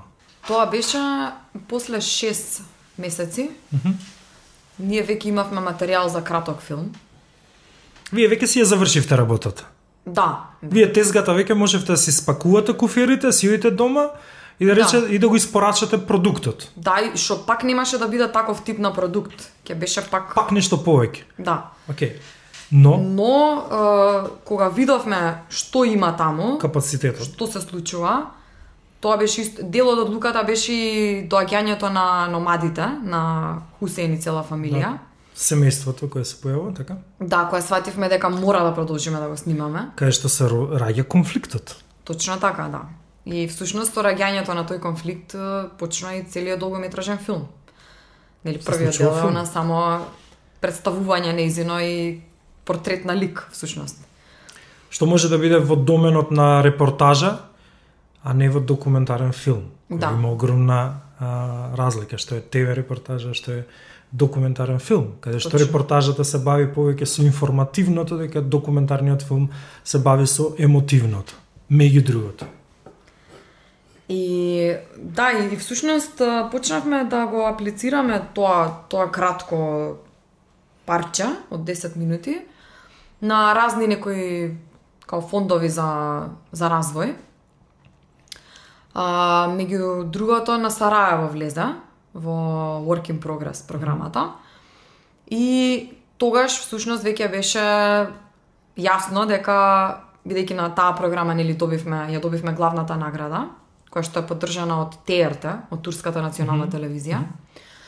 Некои 30.000 евра добивме и свативме дека тука не сме да прекине процесот, дека Да. мораме да го носиме понатаму. И тогаш се отвори тој разговор со финансиерите, дали се они спремни, дали сакаат да продолжат како Со првите финансиери кои со така? швајцарците, да. Да. А, откако они се согласија на тој процес, потоа се почна процес на аплицирање во агенција за филм, кој што исто така беше многу а, чуден, затоа што а, за прв пат до сега се склопува таков тип на соработка меѓу а, меѓу нели некоја организација за развој на животна средина, што нема никаква врска нели со филм директно, Така, и со- агенција за филм. И копродукција од Турција, национална Да. телевизија. Да, беше целиот процес малце експериментален. И храбар, мислам, тоа се стварно од сите страни беа некои храбри одлуки кои што под- подразбираа голем ризик. Значи целта е се бараат финансии да се остане уште во снимање. Да, Океј. точно. И гледам дека особено во документарец, тоа е како некое непишано правило. Дека мора да се почне или со своји ресурси или со минимални ресурси или да има некој повод нели да се случи движењето и после тоа во процесот се бараат нови финанси, се убедуваат нови играчи тука и нови луѓе. Ако филмот, ако идејата има капацитет, Да, снимките имаат секако. капацитет, тоа ќе го препозна индустријата Да. и ќе го поддржи. Би сакал малце да, да, да, да ни дозволиш да нурнеме во, во процесот на, на самото снимање. Не од некој сензуалистички аспект, туку повеќе од филмски. Затоа што тоа е навистина долг снимачки процес во едни тотално нехумани услови за снимање, кај што нели, нема а, струја, што е основно за да имаме некаков аудиовизуелен продукт, нели, да вклучиш светло или да наполниш батерија за камера или што и да е, нели, да се изгрееш, да пиеш топол чај. А, што е тоа што ве одржа толку долго како а, екипа? И исто така како успеавте толку долго време да ги задржите протагонистите будни и сложни да бидат со екипата. Тоа што не одржа, прво мора човек да влезе спремен за такво нешто. Што подразбираш под спремен? Па еве за почеток да, да е спремен на такви услови на работа. Тоа да нема проблем. Бидејќи ако не е спремен, тоа нема нема ни да почне да се случува. Или многу брзо ќе се откаже во тој процес. Мора секој да е спремен да, да си каже на себе што ова подразбира. Каква жртва од моја страна, каков процес ме чека и се. За процесот да биде да, да изгледа лесен, некако да се јаде. Први основно го жртврцал приватен живот и еднаш станува само филм. Па во голем дел, во голем дел, да. Мислам, за мене беше тоа многу тешко на 22 години да да дадам таа жртва за приватен живот и сите викенди да ги поминувам во Бекирлија наместо во Скопје да, излегувам. Од тотални номадски услови. Да. Ама мислам беше животно искуство на кое што не, не се жалам дека се случило. Не само филмско. Да, и сега во целиот тој процес има периоди кај што секој од нас сакаше да се откаже. Тоа е факт. Да. Кај што другите луѓе го враќаа, дру, другите членови на екипата го враќаа и не дозволија некој да се замине од процесот. За дали свесно или несвесно тоа се случуваше, не знам, ама знам дека таа екипа се задржа како таква. И тоа е, мислам, феномен исто, затоа што обично не е така, не знам, не, не се задржуваат на тој начин луѓето, мислам. Еве сега баш бев сведок дека Кои се оние причини каде што може би еве сега да не зборуваме за а, другите а, другите членови од екипата, но дали па ти го имаше тој чин, тој тој тој момент на сакам го да има. се откажам. Да, да, да, го има. Зошто? Затоа што Кога ја изгуби смислата? Па неколку работи беа во прашање. Првата беше бидејќи во тој период кога ние го почнавме Ханиленд, првите неколку месеци, ние се уште го работевме езеро од јаболка. Тие процеси се преклопија. Мгм, мгм. И овој го завршувавме. Значи притисокот беше многу голем. И мене тоа ми беше премногу притисок. Пак да повторам. 22 години. ми беше како паралелно, нели, два филма се случуваат. И јас се уште бев ментално во тој филм. И сакав да го завршам до крај. И некако не бев спремна уште да се прешалтам и да почнам со новиот филм. А, тоа беше првото некако што ми направи од старт као товар mm -hmm. на некој начин. Меѓутоа почна цело тоа се случува. А, после тоа ми се случи кога а, пред да се појават фамилијата, кога не гледав дека има пак конфликт. Да. Да. О, може да трае и ќе ги да, повтараме да, истите да. сцени и ќе биде да. тоа. Од прилика. Тогаш ми се случи такво едно разочарување малце од темата. Mm -hmm. На каде одиме, mm -hmm. до кога ќе оправиме ова, не нема ништо ново, како да се случи нешто, нели? И Да, тоа беше. Колку е важна таа истрајност за за да бидеш документарист. Да останеш. Да, да, и затоа да што стварно да поставува некои прашања, на пример после 6 месеци работа се поставуваат прашања Сега смешно изгледа тоа, затоа што изгледа како така да требало тоа, како да требало, ние сме имале како формула, еве 6 месеци ова, 6 месеци ова, па Сараево, па Санден. Сето тоа е многу ама... логично, нели? Да, од оваа да перспектива, да биде а всушност 6 месеци загубено време. Да. Никој тоа не го гарантира. А, а кога се случи моментот каде што ти кажа еве ке нема искачање, идеме, газиме до крај? Тоа беше првиот пат кога ние всушност бидејќи ние бевме чет, петорица луѓе, пак да кажам, петорица луѓе кои што живеа со тој материјал и сите мислења на таа тема беа само меѓу нас. Дали е тоа добро или не е добро. И после 6 месеци ти не си веќе објективен за тоа што го правиш. Што правиш и на каде тоа оди. А, мислам, сега со ова искуство што го имам, знам дека за документарен филм тек почнува процесот после шестиот месец. И сега имам друга, нели, друга школа војана на таа тема. Ама и знам дека луѓе снимаат документарци по 10 години. Едноставно друг друг е процесот, ама тогаш во тој момент со тоа искуство не ми било не ми било тоа уште сватливо и не ми било јасно дали времето и, и трудот кој што ги давам лично за себе зборејќи mm. дали тоа се исплати на истиот начин. Mm. И како тоа стварно изгледа И, на пример, за прв пат знам дека го пуштив на мајка ми материјалот, од тие 10 минути, на кој што јас бев тотално веќе како отрпната бев, плюс јас тоа го гледав секој викенд. Значи секој викенд тие се бореа со крави, и све ние бевме таму со нив исто и ние се боревме со кравите. И крави ко крави се, значи нема тука или пчели ко пчели, веќе станува ти станува секојдневие. И јас си го пуштам на мајка ми, мајка ми со, со солзи. И тука почна леле ова ова ќе биде ремек дело и почна. Ја вака гледам и си кам шо толку ќе биде ремек дело крави, чели. Мајка бе. да, веќе значи тоа е многу лошо во филм, толку ќе отрпнеш на целото, што не, веќе немаш осет, се ти станува као секојдневно. Да. Леле Атиџе каква е добра Атиџе, Атиџе као секој човек, значи. Нема веќе немаш дистанца од од темата, од ликот. И за прв пат кога отидовме на Сараево, а, кога ги видовме реакциите на публика и кога се случи, mm -hmm. тоа беше веќе надвор пуштано.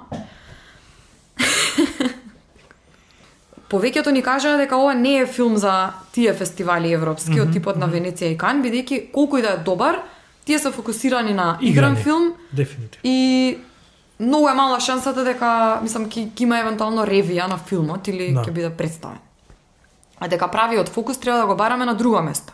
Mm -hmm. И така, уствари, насоките ни се дадоа сами некако mm -hmm. тој процес, бидејќи не, не, немавме ни уште идеја каде е најпаметно се прати mm -hmm. филмот. Ева за почеток го пративме на Берлин, од каде што ни, го, ни кажа дека е одбиен од официјална селекција и дека е ставен во кулинарска секција. бидејќи за мет. Вратете им го мейлот. Така да. Вратете им го мейлот. Да, имаше и такви некои моменти. Можеше да биде и, значи малце фали од луката да биде и многу погрешно. Ке заврши како кулинарски Да. во кулинарска секција. Да. И така, значи, од тој момент немаше враќање. Веќе од наградата на ТРТ, со тие пари, да, да доодговорам на прашањето, со тие пари на Атиџи купивме куќа. На фамилијава им, куп, им подаривме, тоест, джип, им купивме работи за школа, не знам таму некои бенефиции. Практично вие сте инвестирале во нив Те како дека да, затоа што нив им треба мотив за тоа што го прават. Но овие конкретни луѓе мислам дека има тотално поинаков мајндсет. Они ќе останеа и Атиче и фамилијата, мислам до крај без ништо, бидејќи тоа се луѓе кои што прво живеат во едни такви ужасни услови, кај што секој човек што ќе дојде е богатство за нив. И кога ќе зачести човек да доаѓа, веќе станува дел од фамилија. И тоа што ние го правевме таму за нив беше главен извор на забава, меѓу другото. Така да тоа ќе ќе продолжиш и као такво, значи не е пресудно дека ти ако Да, на протагонистот му дадеш нешто тоа е мотивот. На, напротив, мора да има личен мотив во таа приказна. Бидејќи што и да му дадеш, ти не можеш човекот да го отвориш. конекцијата или првиот клик бил токму поради тоа што Атиже лично сакала некој да дојде и да ја снима. Да. Нели? Се случи Санденс, направивте нешто што никој го нема направено на Санденс, оставивте три награди. Чисто информативно за нашите слушатели гледачи, Санденс е еден од топ 5 филмски а, фестивали во светот, на рангот на Кан, Берлин и Венеција. А, само од другата страна на а, океанот. Оскари не е фестивал, Оскар е манифестација чисто дефинираме што е манифестација, што е а, фестивал. На фестивалот се случува премиера. Да. Премиерата е најважна за филмот, каде ќе се а, случи и од тука нели почнува целиот подоцна пат на на филмот. Патувавте непрекинато една година, бевте Ку- колку пати а, се качивте и се симнавте од авион? Сто. Сто. Сто. Да, сто летови во... Каде се играше? 306 Каде се дена. го следевте Ханилен? Си не го следевте секаде каже што играше. Каде успеавте да бидете со Ханилен физички и вие? Санденс беше првиот, Хонг беше вториот, Израел, Барселона, Нова Каледонија, Индија, Сибир. Нова Каледонија, стоп. Тука ставаме кочница. Пошто Хонг Конг не звучи доволно екзотично. Али Нова Каледонија, што е тоа? Тоа е е, остров Каде? во Нов Зеланд, да. Тоа е остров со со локалци, со племиња локални што живеат таму. И имаат фестивал. Имаат фестивал. Ти веќе си имал еден културолошки шок, а тоа е во Тенеси, но колку е вакви нови а, обштества, цивилизации, да не речам, повторно те шокира. Тотално. За мене единствената вистинска награда од Ханиленд, mm -hmm. за мене лично, mm -hmm. како човек, се тие патувања. Mm. И не само како патување, како туристичко патување, туку моментот дека твојата перцепција ја споделуваш со некои тотално поинакви култури и луѓе и гледаш како тие реагираат на, на твојата мисла на твоето дело. Тоа е за мене најголемото богатство што го стекнав од, од овој процес. Бидејќи сега јас а, се чувствувам дека многу повеќе а, ја знам публиката некако во светот, како функционира секаде, кои им се вредностите на различни нации. Како влијаеше филмот на а, публиката во Нова Каледонија? Како влијаеше како филмот влијаеше на а, публиката во Индија или во Хонг Конг или во Лос Анџелес? Кои се тие импресии? Дали се разликува? Чудесно. А Дали се разликува впеч... Тотално. крајните впечатоци? Зашто се фаќа? За многу различни работи. Mm -hmm. Многу. Например, која беше разликата на публиката во Израел, Нова Каледонија и Лос Анџелес? Пример, еве, на Санденс имаше еден многу интересен момент што не го знаевме дека грбот на Јута е всушност пчела. Бидејќи тоа е земјата на пчелите. Сите се пчелари. Ние не го знаевме моментот кога отидовме таму, а, 90% од публиката која што ни го гледаше филмот, освен филмаџи што беа дојдени на фестивалот, беа пчелари кои што сакаа да споделат искуства за пчели. И имаше еден момент како како првиот филм на браќата Ламиер, предпоставам, како што реагирале луѓе со редици некои такви со, значи носевме ние две теглички мали мед. Сите беа изнаредени до надвор, до пред киното и чекаа да пробаат со чечкалица да чепнат од медот натиџе да го пробаат. Мислам, многу чудни искуства, многу човечки искуства. Многу поинаку реагираше публиката отколку нешто на кое што ние тука сме научени. Едноставно публика гледа и си оди, си коментира по дома за филмот. Ова е се е на отворено. Едноставно луѓето не се срамат да да бидат присутни да го кажат своето мислење, да имаат да има експресија на филмот после филмот. Mm -hmm. И тоа е вистинско кино, всушност. Тоа е кино. Да. И после тоа во Хонг Конг беше сосема поинакво искуство. А, бидејќи таму пример имавме многу случаи на луѓе што доаѓа, особено имаше постари мажи што доаѓа расплакани и ни викаа фала ви многу за овој филм, јас се чувствувам исто како Атиџа. Јас исто така цел живот се грижам за мајка ми, живеам сам, а, демек ме трогна приказната многу и а, имаше такви моменти кај што луѓето се врзуваа за самотијата на Атиџе и за жртвата што таа ја прави. Mm -hmm. Бидејќи таму како нација се многу отуѓени едни од други, mm -hmm. многу индивидуалисти. И... Нешто што предпоставам дури ви изненадило. Пошто не е да. тоа главната линија на филмот. Да, да, секако дека да. А за тоа цело време зборуваа некако, так, не беа толку насочени на пчели или не знам што, беа конкретно на самотијата неизина на односот со мајка и тоа ги фасцинираше како таква. После тоа во Индија се препознале и затоа Да, да, буквално да. Се препознава со тоа. Во Индија, кажи ми, што препозна? Во Индија, во Индија, а ти ќе стана новата Анджелина Джоли. Тоа беше така како како нивен филм, некако така. Uh, огромна публика имаше со со смеа, со аплаузи, со прашања секакви. И таму на пример во главно Q&A-то не беше можеби ни толку за филмот, колку што беше кон нас како филмаджи, Бидејќи таму пазарот е многу голем, има голема конкуренција. Да. И Боливуд... они сакаат тајната да ја дознаат како да се стигне до ова. Значи, они беа повеќе, тоа им беа прашањата, како до Боливуд да се стигне. а ние носевме индиски традиционални сари. и така, личевме како да го знаеме одговорот, како до Боливуд да се стигне. Во Израел зашто се фатија? во Израел, во Израел го сватија филмот многу политички.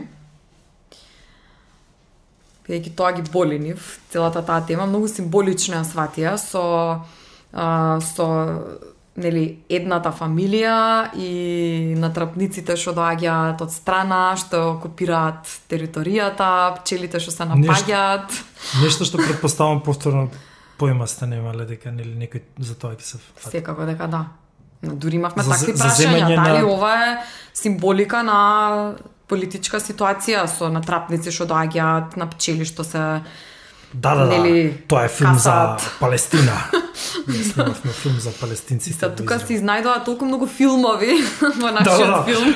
Ви направија филмови во Да, uh, после во Нова Каледонија, на пример, со племево кај што го пуштавме филмот, тоа беше под... Што подра... подразбираме под племе? Племе. Племенски... На вистина? Племе. Така? Да, значи луѓе што се живеат, ловат риби, исто како атиџи, исти живот живеат. Така. И ние филмот надвор од, како... надвор од цивилизација како што ја познаваме барем. Да, да, во заедници такви некои се живеат, исто во некои као бунгалови што се ги прават од од палмени лисија, такви. И сите заедно си готват, имаат само едно као такво заедничко место што има као кујна, сите готват заедно, сите јадат Види, мене заедно, ова сите... многу утопистички ми дело. Ние се можеме и тоа да го кажеме, нели, а, на кое цивилизацијско ниво се, но мене ми звучи не ми звучи авантуристички. Дури да не речам, дури го посакувам да живеам во една а, таква такво општество. Како ти изгледаше тебе тоа? Фино. Фино? Да. Как, Па да, срекни не... ли беа тие луѓе? Секако дека беа далеку пострекни од било кој од нас. Да, таму беше интересно сега малце поминато време од тие сите искуства. Во тој период бидејќи бевме под такви импресии од тие фестивали, тие културолошки средби што ги имавме. А, пишувавме као стати за да ги запамтиме тие некои клучни детали и работи што се случиле. Сега памтам некои детали, на пример за Нова Каледонија, а, како ни објаснуваа дека во нивната култура не постои зборот јас. Во нивниот јазик не постои зборот јас. Се што зборуваат, они го, нели го почнуваат со ние. И всушност, они немаат активности кои што почнуваат со јас. Се што прават, прават со ние. И тоа е феномен. Значи, тоа кога го слушнав за прв пат се расплакав, бидејќи тоа е, не знам, она, тоа е неостварлива идеологија за денешно капиталистичко време и општество, нели? И имаше такви некои, На пример, тие го гледаа филмот, исто така сите на черги беа долу седнати, тука имаше проектор. И тие најмногу реагираа на фамилијава на номадите. Значи, секоја работа на која што а, во западните, на западните фестивали се вадеа од памет луѓето, како девојчето ќе се удавело, како клоцнала крава, беа така извадени од памет, нели, сите тие западни е, народи, дема како ова, ова не може вака деца како вака растат. Овие бидејќи исто растат, се газе од смеење, тоа за нив беше како бурлеска. беше како Да, да, секој дневие на животот. да. Со тие предизвици се секој ден, со тие случајности, со тие... Да, да, да, као буквално на реакција го мава дете во крава и као тука нешто бодови мерат кој повеќе настрадал во филмот. Прекрасно искуство за да можеш да се соживееш со делото кое си го создал. Се сретнавте со еден куп а, холивудски и боливудски звезди. Како како реагира На пример, еве, како реагираше Тарантино на филмот? Тарантино почна да зборува дека и он спасувал пчели од својот базен во куќата со мрежа, дека ги вадал со мрежа пчелите што се давеле од ба- у базенот. и дека и он придонесува за, за глобалното добро на тој начин. И не знам баш дали дали некој стварно го имаше гледано Ханиленд. А, бидејќи тие најверојатно имаат по, по илјадници филмови што нели некој чекува да да ги видат. А, мислам дека Ал Пачино го имаше гледано. бидејќи тоа што го Што ти рече Ал Пачино, таму он каже? па дека многу му се допадна, дека пораката е многу добра, дека беше поопшто кажано, ама некако делуваше дека го гледал. Со Бред Пит се запознавме и он на крајот од муабетот од 5 минути заклучи дека а, дека многу уживаа во муабет со документаристи бидејќи конечно тоа се нормални луѓе. така се изјасни. После се, се, се запознавме со Дениро, кој што беше со бастумче едно стана, се не поздрави. Прекрасен беше човекот. И после фотографијата Феми беше многу разочаран. Рече ако се чичка ми трајче да се слика. Кој ќе познае дека, дека он да ме кука остарен. И така, со Леонардо исто се поздравивме, му дадовме мед. Он ни каже дека го гледал Ханилен, дека го поддржува. Исто не знаеме дали е вистина или не. Прво бев пресреќен затоа што тоа ти се случуваше тебе, значи имам приватен момент. А второ бев пресреќен затоа што се случува на некој мој колега, значи имам и професионален момент каде што една една надеж дека можат да се случат големи работи доколку правиме големи одлуки и големи чекори. И, и, и практично после Ханилен како да продолжи еден бран на успешни македонски филмови. Еден позитивен пример каде што авторите почнаа повеќе да веруваат во, во своите можности. И тоа е многу важна порака што ни го прати Ханилен. Каде завршува каде завршува Односот со протагонистот. односот со протагонистот Кога завршува професионалниот ангажман и започнува можеби приватна релација која може да постои, но и не мора. Режисерот е тој што го создава протагонистот. Режисерот е тој што ќе го постави во тие околности што ќе изгради таа реална но фиктивна приказна затоа што во таа приказна има став. Тоа што Атидже постои во филмот како како лик, Тој не е истовремено атиџе во реалниот живот. Се превземени неизени реални мотиви, ама тоа кога ќе го ставиме во еден драматуршки контекст, тоа е нешто сосема друго. Да, мислам, тоа е така, е, со самото уклучување на камера, веќе тој лик не е реалниот лик. И тоа не е реалната приказна. Тоа е исачок од таа приказна. И тој исечок во комбинација со други исечоци од истата таа приказна дава некоја сосема нова приказна. Тоа е факт. И тука не можеме да воопшто мислам да дискутираме на таа тема, барем јас не, не ни сакам да дискутирам на таа тема, дали а, документарниот филм е интервенција или не е. Да, е интервенција со самото уклучување на камера. И тоа е крај за мене, крај на таа дискусија. Е сега, за мене границата е во тоа колку ќе се искриват фактите. Степенот на искривување на тие факти за мене е дали тоа е документарен филм или е игран филм, пример. И исто така до која мера ќе ќе се остави тој протагонист да биде свој или ќе му се дадат насоки да биде нешто друго. за мене границата е до степено до, доека тој протагонист не каже стоп. И не, ова не. Меѓутоа, се што дава на располагање како информација за неговиот живот, тој протагонист, е нешто со кое што јас сакам да работам.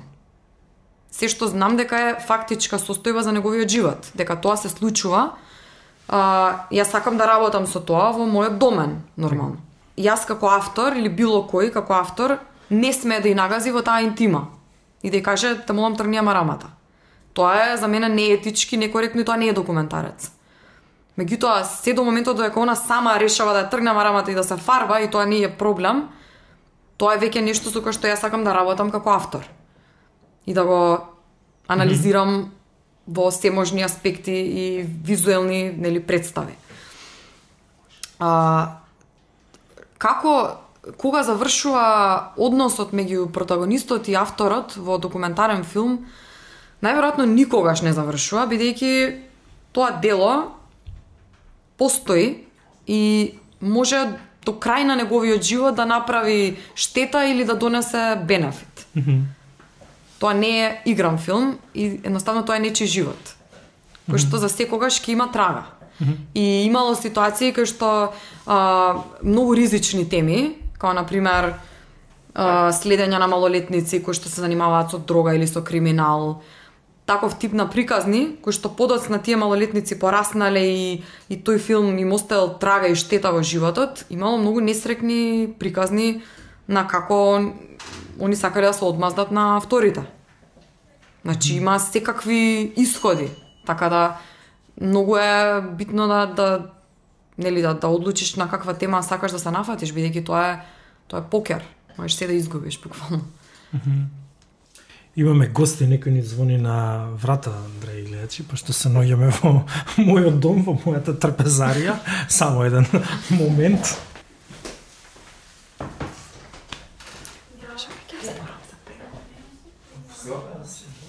Знаеш дека застанавме? Да, за Атиџе беше мале. Ајде. Знам. А, односот со авторот и протагонистот никогаш не завршува, бидејќи се работи за нечи живот. Меѓутоа, мора да се направи еден момент на одлука кога нема повеќе да дозволиме да тој однос не влијае во нашите приватни животи бидејќи одлуките на тој протагонист понатаму продолжуваат да се бидат негови, а нашите одлуки како автори се са наши, нели? Животите ни се разделуваат. Ние до ден денес сме останати во многу добри односи со Атиџа. А, комуницираме, се слушаме, се посетуваме кога можеме, како пријатели. Меѓутоа, поврзано со филмот и со низината представа и слика на филмот, и кои се незините сегашни избори како човек, ние немаме никаква поврзаност со тоа. Mm -hmm. Напротив, а, мислам, имаше некои негативни нели, реакции, коментари на нели како сега Атиџе го води животот или не знам Сузана Турунџиева ја Тотални глупости. То, тотални глупости. п- Ева, читавме... ако може да кажам, Да. ако може да Да, кажам, да, да. прв пат тоа го кажувам во јавност, а, многу сум и благодарна на Сузана Турунџиева, иако не ја познавам, а, за тоа што го прави со Атиџе заедно, бидејќи мислам дека и дава еден огромен мотив и дека и, и даде една смисла на новиот живот кој што Атиџе го живее.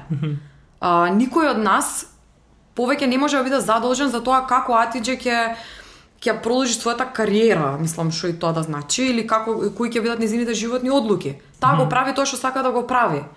Таа сега пее, тоа секогаш сакаше да го прави. А, има нова куќа, што ја возможивме. А, се цело време е во комуникација со луѓе, нешто што и фалеше со години таму затворена, нели сама. И не мислам дека ништо од тие работи што сега се случуваат во незиниот живот се некакви скандалозни, не знам какви Или работи. негативни. Или негативни. Ако има личен тренер за тератана, секој е и чест. Она е мотив за жени на 50-60 години кои што не може да мрднат од дома.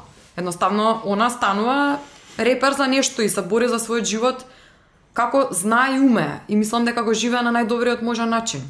Така да, тоа што е она на филмот, може да го земеме како една легенда, нели, една бајка за овој регион. И тука да остане. Она е херој во филмот, а она е поинаков херој во реалниот живот. Колку е, овој филм понуди и какви се предлози стигна на твоја адреса, пошто зборуваме нели со тебе? Па, тоа беше море од, од можности. Кое што тек сега мислам дека најмногу го почнам да го сведочам и да го чувствувам. А, сега моментално исходот на Ханилен ме донесе до новиот документарен филм кој што сега го работам, долгометражен, со наслов The Walk. Темата е девојче бегалче кое што патува од сириска граница до Лондон. Не сакам се уште да навлегувам подетално во темата. Тој филм кој е во продукција. Да, да, моментално е се уште во продукција. Го снимате во колку држави? Само што се врати, Во- беше пет месеци надвор од земјава, Да, така? бев пет месеци. А, тргнавме од сириска граница, од Газиантеп, ја поминавме цела Турција, со кола и со одење, бидејќи проектот е нели за одење, го слави движењето на бегалците. А, преку Турција, цела Грција, цела Италија, Франција, Швајцарија, Белгија, Германија и со завршување во Англија, цела Англија. И Стега има и некои дополнителни снимања, меѓутоа не би навлегувала бидејќи е многу рано да се зборува за филмот. Дали поинаку те третира обштество и нашава околина по успехот? Дали забележуваш некаква разлика? М, не знам баш дали не. Блиските луѓе не, пријателите не. А, институциите не, не знам предходно премногу рано ми тргна мене целото тоа, така да немав предходно. Имаш изградено однос така. да. Така да мислам дека не. Од оваа перспектива што ти недостига таму назад? Ништо. Времето кога идав на факултет со ролерки. Е тоа многу ме недостига. Сега немам време ролерки да возам. Фала ти, многу те сакам и се гледаме.